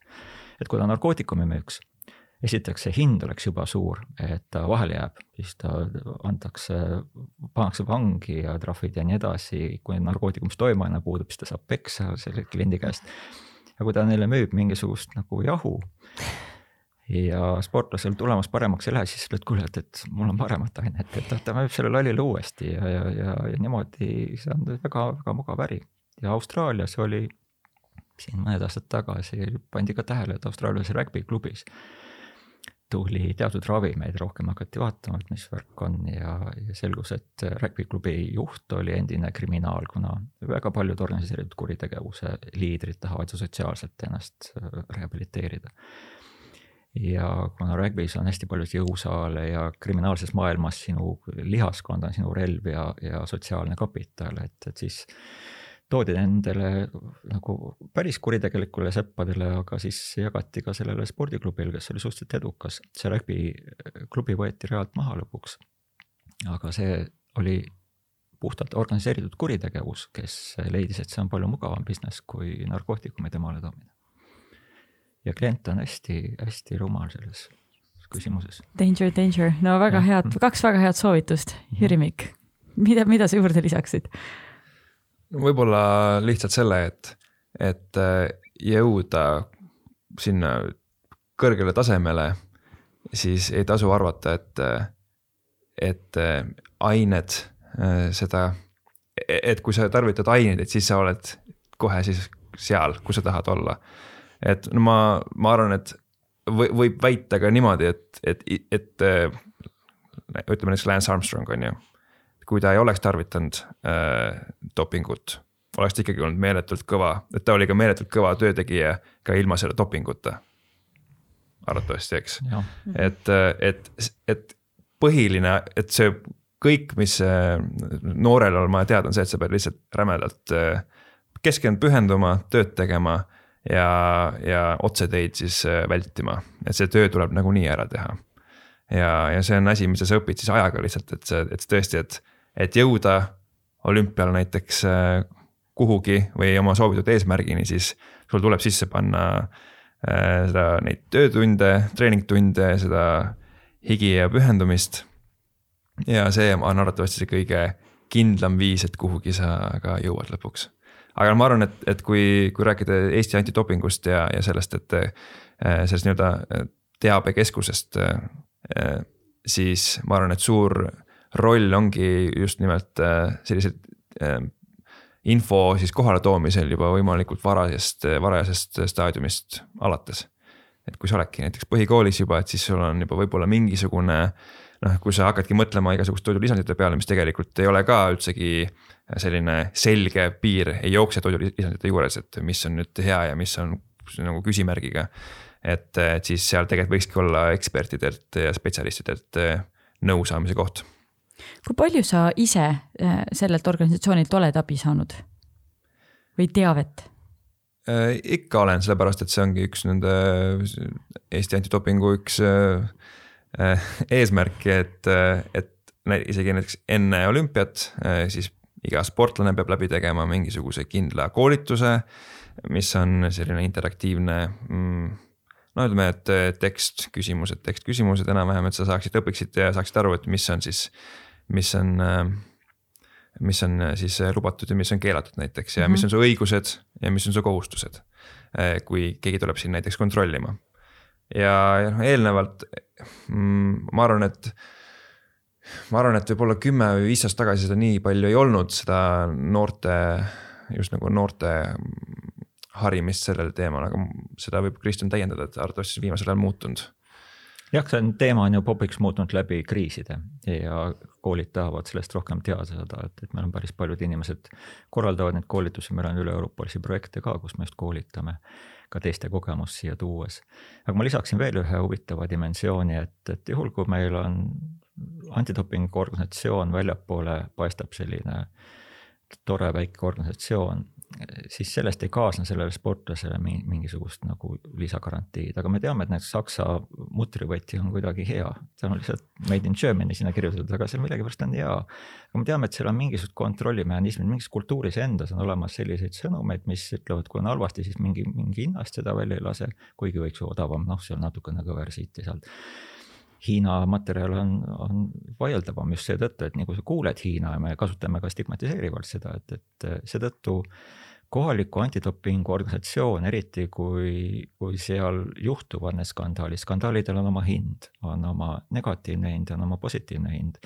et kui me neid juhtumeid suudame tugeva selgrooga kaitsta, siis see kaitseb tegelikult väga paljude järgmiste sportlaste renomeed, kuna see lihtsalt levib, et kuule, et seal on nagu pulli tehtud, et, et seal on rahvuskangelased, kellele lihtsalt armu ei antud. Ja see ei ole mitte meie küünilisusest, vaid see on täiesti see põhimõte, et et juhul, kui me neid asju hakkame kuidagi poole silmaga äh, käsitlema, et siis mitte kellegi huvides ta ei ole, keegi ei usu ka, kui need meie tippsportlased siis on nagu ausaks saanud. Ja ma ei hakka ühtegi nime praegu nimetama, aga siin siin ka valimistega seoses tulevad esile, kus ma tean vestluste käigus, kus tullakse ja öeldakse nagu rahva keskelt inimene ütleb, et ütleb halvasti äh, inimeste kohta, et, et neil, neil puudub see kindlus. ja, ja neid juhtumeid tuleb seetõttu käsitleda väga printsipiaalselt just seetõttu, et see loob selle puhta õhu ja me teame, politsei renomee ju paranes ka aastate jooksul, et politsei on üks usaldusväärsemaid organisatsioone, sest et selle asemel, et kuskil põõsast nihverdada ja lihtsalt ainult tšekke välja kirjutada, mis ei ole nagu liiklusohutuse teenindamine, vaid eh, seda avalikku suhtumist parandades muutub usaldus ja sa lähed esimesena abi küsima politseilt, mitte üritad temast esimesena mööda joosta. et selles suhtes antidopingu organisatsioon peab olema väga hea ja rahvusvaheliselt läbipaistev. Äh, kaua sa ise oled äh, selles organisatsioonis tegutsenud? ma arvan, kas kaks tuhat seitse uuendati seda mm, -hmm. oli, ennem oli ka nagu eraldi ja kogu antidopingu liikumine kunagi oli Rahvusvahelise Olümpiakomitee all ja üheksakümmend üheksa moodustati see rahvusvaheline mm -hmm organisatsioon ja Eestis ta oli endiselt nagu sellise väikese äh, eraorganisatsiooni kande peamiselt, aga, aga siis oli vaja, et see on non-compliant, et ta ei lange nende nõuetega kokku, siis mm, -hmm. siis loodi meie, meie oma. aga lihtsalt huvi pärast, kui näiteks äh, on case, äh, testitakse sportlast, tuleb välja äh, A-proov positiivne, siis kuidas see protsess käib, ütleme nii, et, et see info tuleb teile ja kuidas siis äh, seda sportlast teavitatakse või sportlast teavitatakse kõigepealt ja siis teid, et mis, mis see jada on, tegevusjada seal? meid ei pea, kuna meie testi ei ole teinud, siis me, me ei pea seal sekkuma, see just hoiab seda sõltumatust, et seal on see kolmnurk, et föderatsioon, sportlane ja noh, tema, tema siis katusorganisatsioon, et nemad saavad teada. ja, ja sportlane võib öelda, no mis see uus eestikeelne sõna, oh shit ja siis ta ütleb, et jäin vahele, et, et ärme siin raha raiska, et, et annan alla, et ma teadsin, et sihuke risk on olemas. teine variant on loomulikult, et ei, ei, ei, et ma ikka peaksin pürgima, et, et mul on natukene kupüüre ka veel ja mul on mõned sponsorid, mis toob eraldi esile, et meil on mõned on nagu helged sponsorid ja meil on sellist Mustemaa tüüpi sponsoreid ka kes, kellel on hoopis teistsugused ja me teame, et see sport ja aeg-ajalt on ka poliitikaga seotud, et see, see toob neid ebameeldivaid toone siia juurde. ja siis ta ütleb, et ei, ma ei ole nõus, et ma tahaks selle teise proovi avamist teha, et ja siis, kui selles teises proovis leitakse ka ja see ei ole positiivne leida, et see on küll ütleme, see sõnakasutuses levinud positiivne on jah, et, et ta ei ole negatiivne, et signaal on nagu olemas, aga, aga korrektsem oleks halb analüütiline leid, et kui tema kehas on see aine põhjendatud, et see on lubatud, ta on raviprotsessis on mis iganes et, et lihtsalt see on halb analüütiline leid. ja ta ütles, et ütleb, et siin ei tohiks mingisugust halba analüütilist leidu ka olla. ja, ja see ei pea üldse avalikkusesse välja tulema, et seda hallatakse vaikselt, aga seal on loomulikult ajaaken, mille jooksul sa ei saa igavesti nagu venitada.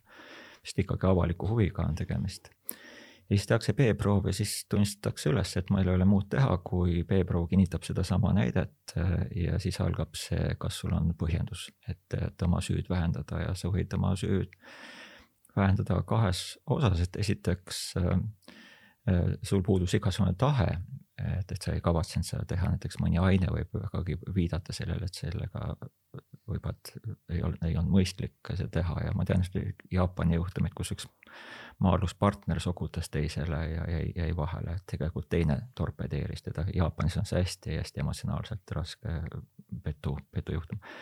aga et kui sa saad öelda, et, et mul ei olnud mingit tahet ja teine et ma ei olnud ka hoolimatu ma lihtsalt ei ütelnud, oo ma ostsin mingisugust toidulisandit, et seekord oli kolm kahe hinnaga ja et, et ma lihtsalt sõin neid ja siis toidulisandid sakivad, et nemad on süüdi. ei, sina oled süüdi, kuna ainuvastutus. praegu on ka see huvitav teema ju, et, et sportlane on ainuvastutaja. et, et, et tema on see, kes saab kuulsuse, vabad raha ja järelikult ta peab seda, seda mündi teist poolt ka kandma, aga seal on ka juriidiliselt, et, et mispärast äh, peab see kõik ühte kohta koondama, muidu hakkab peale see igavene, et, et Kalle ja Malle ja siis Joosep ja et nende vältimiseks ja see skeem on läbi käinud iga kord, kui koodeksit muudetakse, siis käib läbi rahvusvahelise sõltumatu inimõiguste eksperdi hinnangu, et kas näiteks see Adamsi, et kas, kas inimest kiusatakse taga sellega, et ta peab kuskil olema ja ta peab oma kellaaja ütlema, millal ta on saadaval. et need kõik detailid käiakse läbi, et kas, kas riivatakse kuidagi isiku vabadust ja inimõigusi. Ja tippsport peab osa sellest loovutama mängu nimel, et sa näiteks võiksid öelda, et minul on igasugune õigus siin käega palli mängida, et ärge tulge ütlema. aga teised sportlased saadavad sulle väljakult minema, rääkimata sellest, et alguses üritatakse viha, vilistada ja et, et see ei ole äh, ütleme, ütleme nii lõputult egotsentriline maailm, et sa oled kokku leppinud, et sellised, sellised reeglid on olemas. kas ma saan õigesti aru, et B-proovi avamine, sellest peab sportlane ise maksma siis veel eraldi midagi? Jah, sellest, et see on antud juhul tema kahjuks on see juhtum, et see on tema huvides avada, et ja sellepärast need laborid on väga-väga kõrge kvaliteedikontrolliga, neid ei ole nii, et, et siin Tallinnas on labor ja lähme vaatame siin, äsja me tegime mingit alkoholitesti, nüüd võtame sinu testi ka. Nendes laborites mitte midagi muud ei saa teha, et see aeg-ajalt on olnud jutuks, et et hea labor, et ma olen sportlane, et ma saadaks oma proovi, et, et testige seda noh, ma tean, Veerpalu juhtumis oli siin ühe, ühe tuntud labori esindaja, kes ütles, et me oleme kogu aeg teda testinud, noh miks sa teda testid? Selleks, et mitte vahele jääda, et, et kui, kui ta võtab, siis sa vaatad, kas see, kas see nivoo on allpool, nii et need laborid ei tegele millegi muuga, nad peaks majanduslikult äh, vee peal püsima. Ja, ja, ja nad ei püsi vee peal seetõttu, et nad panevad sinna positiivseid proove, vaid nad püsivad vee peal tänu sellele, et neil ei teki täiendavaid kulusid. Ja seega nende kvaliteedikontroll on sõltumatu rahvusvaheline laborite standard ja siis võetakse need, analüüsitakse kolm paralleeli. igas paralleelis see tõenäosus on väga väikene, et ta on vale leid või vale, vale positiivne. ja nüüd, kui sa võtad siis selle ütleme, et ta on seal üks sajandik näiteks, et kui sa korrutad üks sajandik korda üks sajandik, on üks kümne tuhandik ja siis võtad veel ühed, et see tõenäosus, et see on nagu mittepädev leid, on väga-väga väike, aga ta on alati olemas. maailmas on kõik asjad lõputu, lõputu aja jooksul võimalikud. ja siis, kui avatakse see B-proov, siis äh, jälgitakse, et see B-prooviga tehakse täpselt samasugune analüüs ja see on selle sportlase huvides, kui ta väidab või näiteks oletame, et sportlane on kasutanud, petnud aga ta igal juhul tema tema peab siis kuidagi näitama, et see on väga-väga valesti tehtud. ja Verbalu juhtumis oli ka, et, et seal üks argumentatsioon oli, et, et see kahe proovi vahe oli vale, aga see oli valesti arvutatud lihtsalt, et, et nad ise esitasid selle valesti, aga et, et see, need kaks sõltumatut proovi viivad selle vale positiivse tõenäosusega väga väikeseks. Seda ei ole kohtus selles mõttes nagu läbi vaieldud, kus see piir asub, vaid tolereeritakse seda, et, et see tõenäosus on väga-väga-väga ebatavaline. Ja alati sportlasel on õigus minna sinna kassi, meil on praegu juhtumeid olemas ja kui kassi otsus ei meeldi, siis sa võid minna siis Šveitsi äh, ülemkohtusse, öelda, et kass on siin ebaõiglaselt ja valesti käitunud. et need kõik teed on ju teed avatud. aga mis põhjusel see A-proov üldse vale võib olla?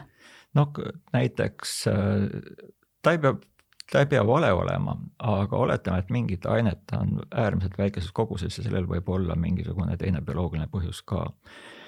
Ja, ja siis teises paralleelis näiteks ei näi, leita, et, et see ka labori kvaliteet ütleb, et, et see signaal on nii väikene, et, et me kuulutame selle ebapiisavaks, et me ütleme, et seda ei ole et mõnikord see signaal, ega sportlane ei taha selle võistluste teema juurde korraks tagasi tulla, et Lance Armstrong ütles ka, et, et võistlustel vahele, vahele jäämine on IQ test, et, et noh, et kes võistlustel nagu vahele jääb, et et ega sportlased ei taha vahele jääda, et järelikult kogused on väga-väga väikesed.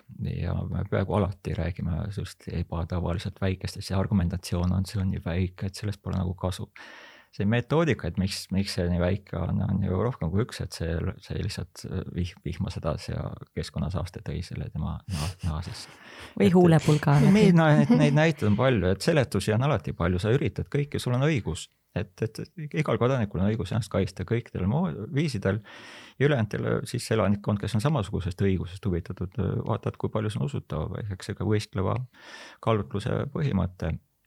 aga jah, et, et see eriti varasemast ajast on nagu väga selged, kõik need järeltestid, need on nagu väga selgelt, et sul on siin mingi asi väga valesti, et, et me varem seda ei testinud, kuna testi väljatöötamine võtab aega, aga nüüd me võtsime selle lahti ja siin on nagu asjad väga valesti, et, et siis on väga raske lastelastele öelda, et, et ma pean medalid seina pealt ära viima.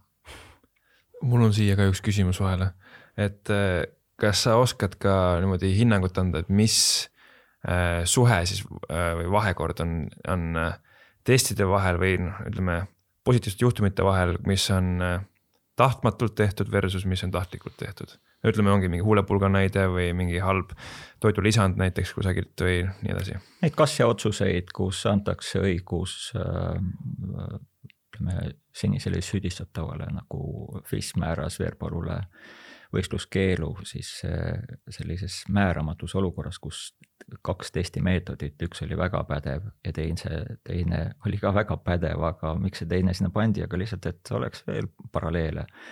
aga seda teist oli vähem testitud ja siis öeldi, et jah, aga meie arvates äh, võiks seda ka olla rohkem testitud ja siis antakse the benefit of doubt äh, see eelis. noh, hiljem saime teada, et äh, seda testi valideeriti ja tuli välja, et, et see Veerpalu mõõdikud ei nihkunud kuhugile, me saame hiljem veelgi rohkem teada, et see asi oligi selline.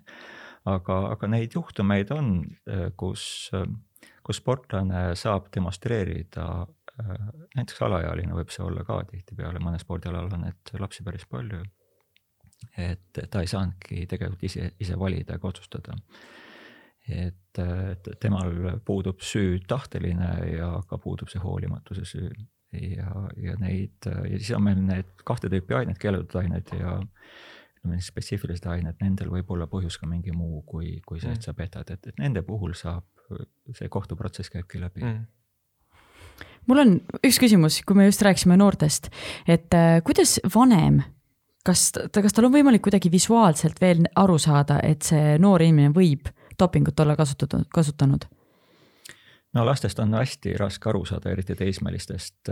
see Taylor Hamiltoni raamat, millele ennem viitasin, et tema oli noorteklassis täitsa tipus ja siis ta tuli meesteklassi ja ta arvas, et noh, kõik hakkavad teda vaatama, imetlema teda ja ta ei, ta ütles sõna otseses mõttes rongist maha ja siis ta hakkas nagu tähelepanu pöörama, et jah, et, et hooaja mingis faasis need on nagu pontsikud ja siis, kui tulevad võistlusperiood, siis nad on, tagumikud on kandilised, noh rattur näeb, et ees oleva ratturi tagumikud, tagumikud on kandilised.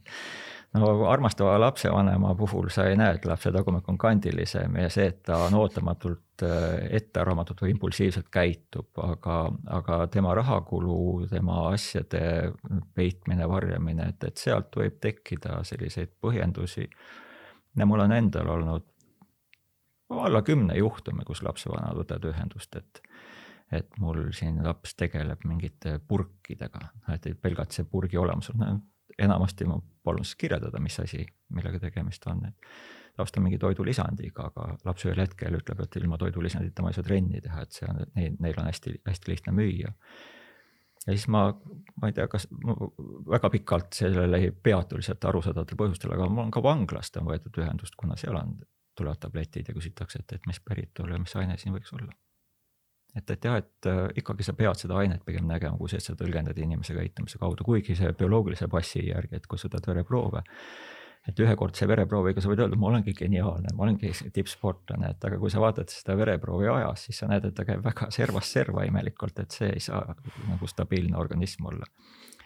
et, et lapsevanemad ja Tyler Hamilton, nemad märkasid, os-, osa oskavad märgata, et lapse käitumises on midagi liiga servast serva. ja hakatakse peamiselt just sugulise küpsemise perioodil, kus see eneseteadvustamine ja rivaalitsemine muutuvad oluliseks siinkohal võib-olla on paslik üks fänniküsimus ka eetrisse paisata. jaa. et äh, meil on äh, Seliine siin küsinud, et kas ei ole jabur, kui otsitakse üles aastaid vanu dopinguproove? jah, väga hea küsimus, et äh, kas ei ole jabur, kui tema kodus on käinud varas ja kõik teavad, et ta on tema kodu tühjaks varastanud, aga me ei saa teda kinni võtta, kuna keegi ei tegele tõendite kogumisega. et meie eesmärk ei ole dopingu kasutamist iga kasutajat kinni püüda, vaid luua selline tunne, et seda lihtsalt ei tasu selles vaatluskeskkonnas teha. ja selleks üheks väga oluliseks teguriks on see, et jah, et sa võid praegu ju siin kemiseerida mingite leidlike lahendustega, et meil on vastutus, et me lihtsalt iga noh, neid juhtumeid on palju, kus loomaravimeid kasutatakse ja siis sul peab ikka olema mõistusega väga-väga asjad risti-rästi ja siis me peaksime olema valmis ka seda loomaravimit testima, aga et me teame, et ühel hetkel see jõuab ja siis on ravimikandidaadid, mis on, on, osa on isegi läbivad selle esimese testi, kus on efekt olemas ja et mürgitatuse tase ka ja siis ta jõuab järgmisesse tasemesse, siis lõpetatakse selle kasutamine ära. kuna tuleb välja, et see näiteks, ma ei tea, siis kardiovaskulaarsed riskid, mis iganes aga kuna nemad on kinni püüdnud siis selle signaali, et oi-oi, parandas seal mingit töövõimet ja meltoonium on ju klassikaline näide, et see on algupäraselt äh, looma äh, ravimina mõeldud, siis, siis pandi tähele, et ta aitab ka südameainevahetusele, südameainevahetus on natuke teine skeleti, skeletilihas. ja et nii need vaiksed äh, kreesid signaalid lihtsalt jõuavad nendesse peadesse ja siis nad teevad midagi ja oletame, et norrakad on nüüd võitnud meie omaselt, kõik toredad auhinnad ära võtnud ja irvitanud ka veel meie peale. siis me saame kümne aasta pärast nad kinni võtta ja andke medalid tagasi. ei ole kõige mõnusam, aga ikkagi me saame õigluse jaole sättida, et, et me tahame ära hoida seda tunnet, et sul õnnestub ka kümne aasta pärast, kui sa oled spordivõimet lõpetanud. ja siis võib ka rakendada igasuguseid eraõiguslikke sanktsioone, kus sponsorid Lance Armstrongilt ju taheti sada, sada miljonit dollarit hüvitist.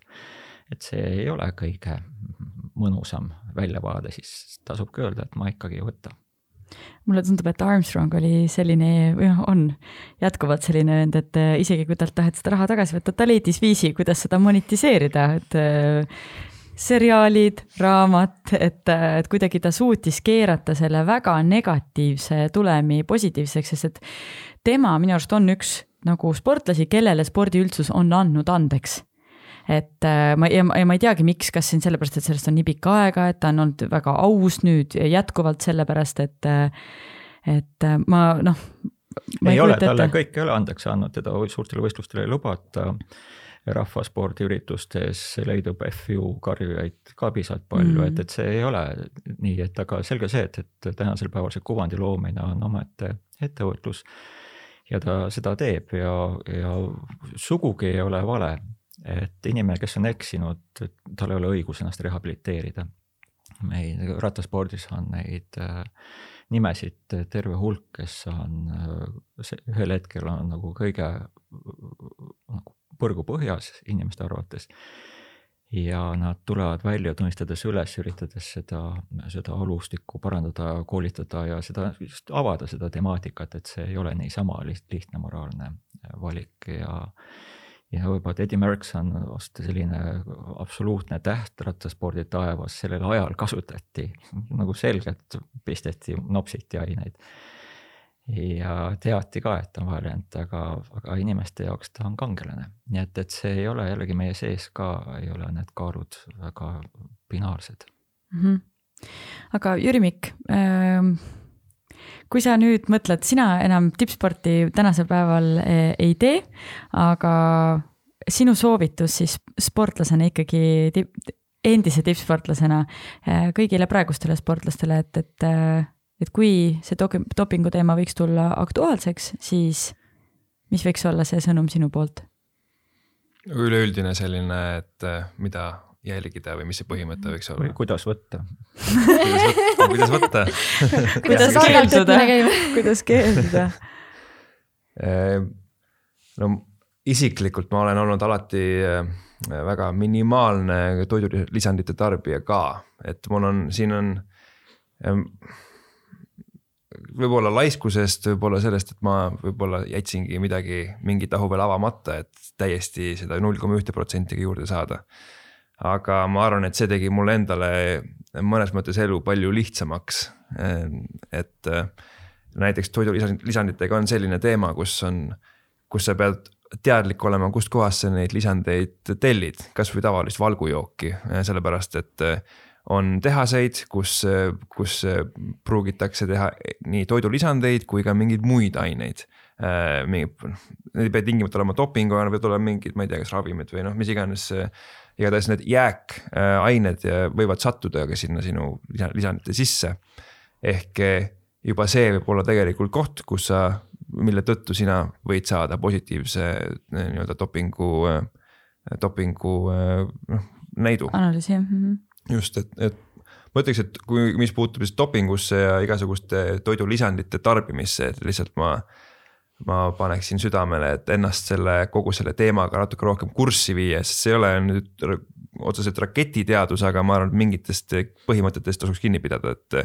et kui sul on, kui sul on, keegi ütleb näiteks võta, ma ei tea, beeta-alaniini, et siis noh, see ei ole keelatud aine aga et sa saaksid aru, miks sa seda teed ja kust sa seda tellid näiteks ja et, et sa ise oled en, en, eelnevalt siis konsulteerinud, kas teadjama inimesega või, või, või siis piisavalt lugenud või ennast harinud. et ma arvan, et ja, ja nagu ma ütlesin, et, et mida, et selles mõttes sport ja tippsport, see, see, see, see päeva lõpuks ta taandub üsnagi lihtsatele tegevustele nagu lihtsalt tee trenni ja söö korralikult ja Maga. maga, taastu just, et, et treening, mis peab, võiks olla pigem sihuke tark treening, läbimõeldud treening, hea treeneri poolt koostatud.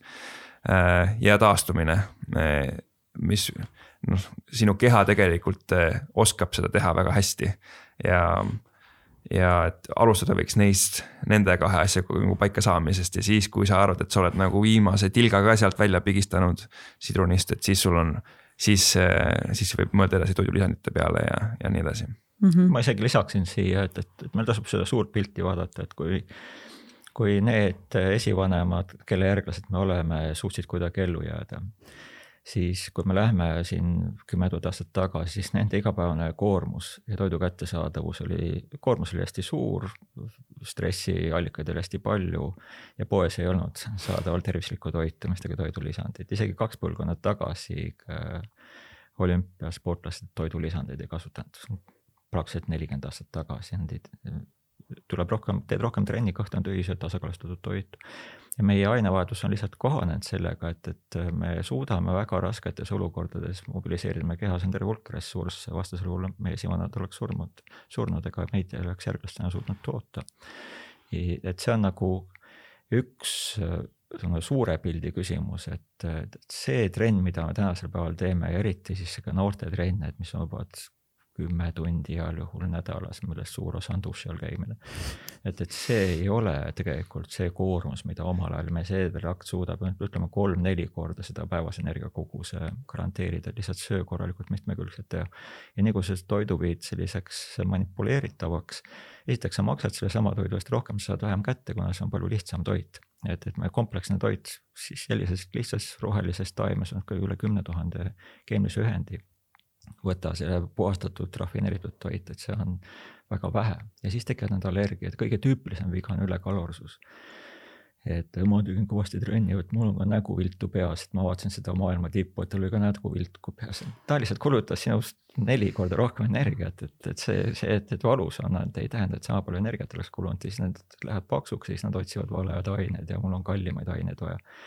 ja teine point on see, et et, et see toit, kui ta suurendab töövõimet, siis ta alati sisaldab midagi, mis on keelatud, see on pärast rusikareegel. toiduga on ju nii, et, et kui sul toitainetest puudus on, siis töövõime on langenud, et kui sa toitainet saad piisavalt palju, siis töövõime ongi see normaalne töövõime, aga et, et proovi, ma ei tea, rauaga järsku öelda, et lisad, söön rohkem rauda, jalad hakkavad kiiremini liikuma, jala liikumine on nii kompleksne nähtus ja, ja närvisüsteem samamoodi, lihtsalt, et sa mingeid aineid rohkem annad ja betalaniin ka, et, et ta on, et, et veel kolmas dimensioon, et, et, et kui sa võtad teadusartiklid, kus inimesed tuuakse laborisse ja pannakse seal, ma ei tea, temposõitu tegema, kus nad nagu tõesti viimase rihma peal sõidavad pool tundi ja antakse aineid ei anta aineid ja vaadatakse, et kas siis efekt on olemas, labori tulemused tavaliselt ei ole efekti. aga selles tavamaailmas need sõnumeid ma pean esiteks õigustama, et ega ma loll ei ole, ma võtan kõige targemaid asju ja, ja siis tavamaailmas seda negatiivset signaali ei ole. ja teine veel huvitav nähtus on, teaduses on üleüldine probleem, et neid negatiivseid signaale on seal palju vähem, ma tegin tööd siin pool aastat, tegin eksperimendi, ei leidnud midagi. jube kasulik tegelikult teistele teada, et, et sellest, nendest ainetest tegelikult ei olnud kasu ma tegin pool aastat eksperimenti, ma leidsin siin pooleprotsendilise efekti statistiliselt usaldusväärne. ma võib-olla isegi tuunisin seda p-väärtust seal kuidagi. oo oh, jess, et see on äge, äge artikkel ja sa leiadki, et üheksakümmend pluss protsenti artiklitest tõendavad midagi. ja see inimene, kes ei ole ette valmistatud, talle lihtsalt jääb mulje kui millestki väga enesekindlast. et see maailm ei ole nii lihtne, et, et just see evolutsioon, enne sporti olnud evolutsioon, see ei, ei ole nii, kui, kui meil oleks tähtis ära tunda tervislik toit, meil ei peaks toidu peal olema kirjas tervislik toit. me nagu sööksime selle lihtsalt instinktiivselt ära, aga meil peab keegi nagu veenma väikestegi kirjadega ja nagu otse keegi ei ütle, vaid kaugelt-kaugelt sõbra sõbra käest kuulsin, et võta seda. ei ole ju loogiline, kui me niimoodi kõrvalt vaatame, aga, aga sellel hetkel, kus sa panid oma viiskümmend euri magama sa ei saa ju öelda, et ma olin loll. ja placebo efekt on vaieldamatult ka olemas mm, -hmm. et, seda tasub ka arvestada. mul on äh, kas platseebo või mitte, aga üks äh, lisand, mis on mulle, mis on mind nii-öelda aidanud kõvasti, on D-vitamiin see on üks asi, mida ma ei tea, kas seda, kas see on artikkel või mitte, aga, aga kui midagi võtta, siis võta D-vitamiini jah, kui vaata, kui sa võtad D-vitamiini, see Ameerika Arstide Liidu suht regulaarne seisukoht, et me oleme kõik tööd läbi uurinud, meie seisukoht on järgmine, siis öeldakse endiselt, et nagu neid avalikus ruumis preventiivseid efekte väga ei ole, mida oodatakse et, et peamiselt soovitatakse võtta, aga teine jälle vitamiini omadus on see, et vitamiin on looduses normaalselt esinev nähtus ja seda on vaja normaalseks kehatalikluseks. et kujuta ette, et, et sa oled väikene ma ei tea, ettevõtja, sa valmistad kaste, et sul on äh, lauad ja sul on siis naelad, haamer ja saag. ja ühel hetkel äh, sa leiad, et sa suudad teha, ütleme viis, viis kasti päevas, see on sinu nagu inimlik limiit ja seal keegi toob sulle kaks, ma ei tea, saagi juurde doesn't work, et, see lihtsalt ei ole, ei ole loogiline ja kui sul laudu juurde tuuakse endiselt, sa ei saaks, aga sa peaksid teise inimese tööle võtma mm., siis sa peaks rohkem vitamiine võtma ja sellega peamiselt, mida sa vähendad, on see D-vitamiini puudust ja D-vitamiini omandamine inimeste vahel varieerub, et see ei ole sugugi, et ma võtsin sama doosi nagu sina, miks minu mm. vereproovis on see väiksem ja nii edasi. et siin on terve hulk seda, seda nähtamatut nüansi rohke maailma. no väga põnev üldse see teema, mina tundsin küll, et ma sain nii palju kasulikku informatsiooni praegu, mille kohta ma ei teadnud enne mitte midagi. aga me lõpetaks selle saate väikse soovituste nurgaga ja need võivad olla soovitused, mis on seotud selle teemaga, aga ei pea üldse olema. nii. võtan esimese. no üks teos, mida iga inimene võiks tarbida, olgu see siis raamat, podcast, artikkel.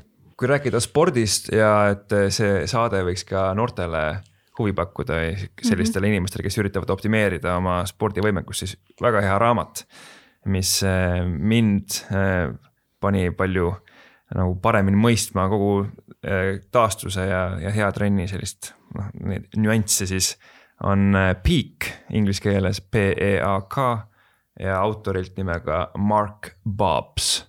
ehk siis tema võttis väga hästi noh, teadus, teadusele tuginedes, sest sport on väga teaduslikuks läinud et kuidas noh, mis paneb meid paremini sooritama, siis ütleme siis ilma dopingut tarvitamata mm. -hmm.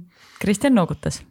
jah, ma olen nõus sellega ja, aga mul jällegi, et, et ma ei, olnud varem läbi mõtelnud, aga praegu tuleb pähe, et Joe Rogani kõik, iga, kõik leiavad üles, Joe Roganil on nüüd aastaid-aastaid tagasi on Victor Contega niisugune podcast tehtud tema varases faasis.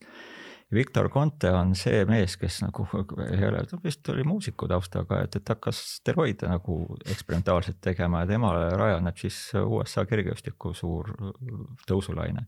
ja ta räägib, kuidas see kultuuriruum seal toimib ja kuidas, see on hästi põnev jutt, et, et just äh, Joe Rogan on tänu sellele ju vee peal püsinud, et ta oskab intervjueerida ja see on hästi huvitav äh, inimene rääkimas, kes on nagu ise selle mustal poolel olnud mm. -hmm ja, ja mul tuli siia, mu käest küll keegi ei küsinud, aga ma vastan, et tegelikult äh, Netflixis äh, olev see Ikaruse film on ka väga huvitav.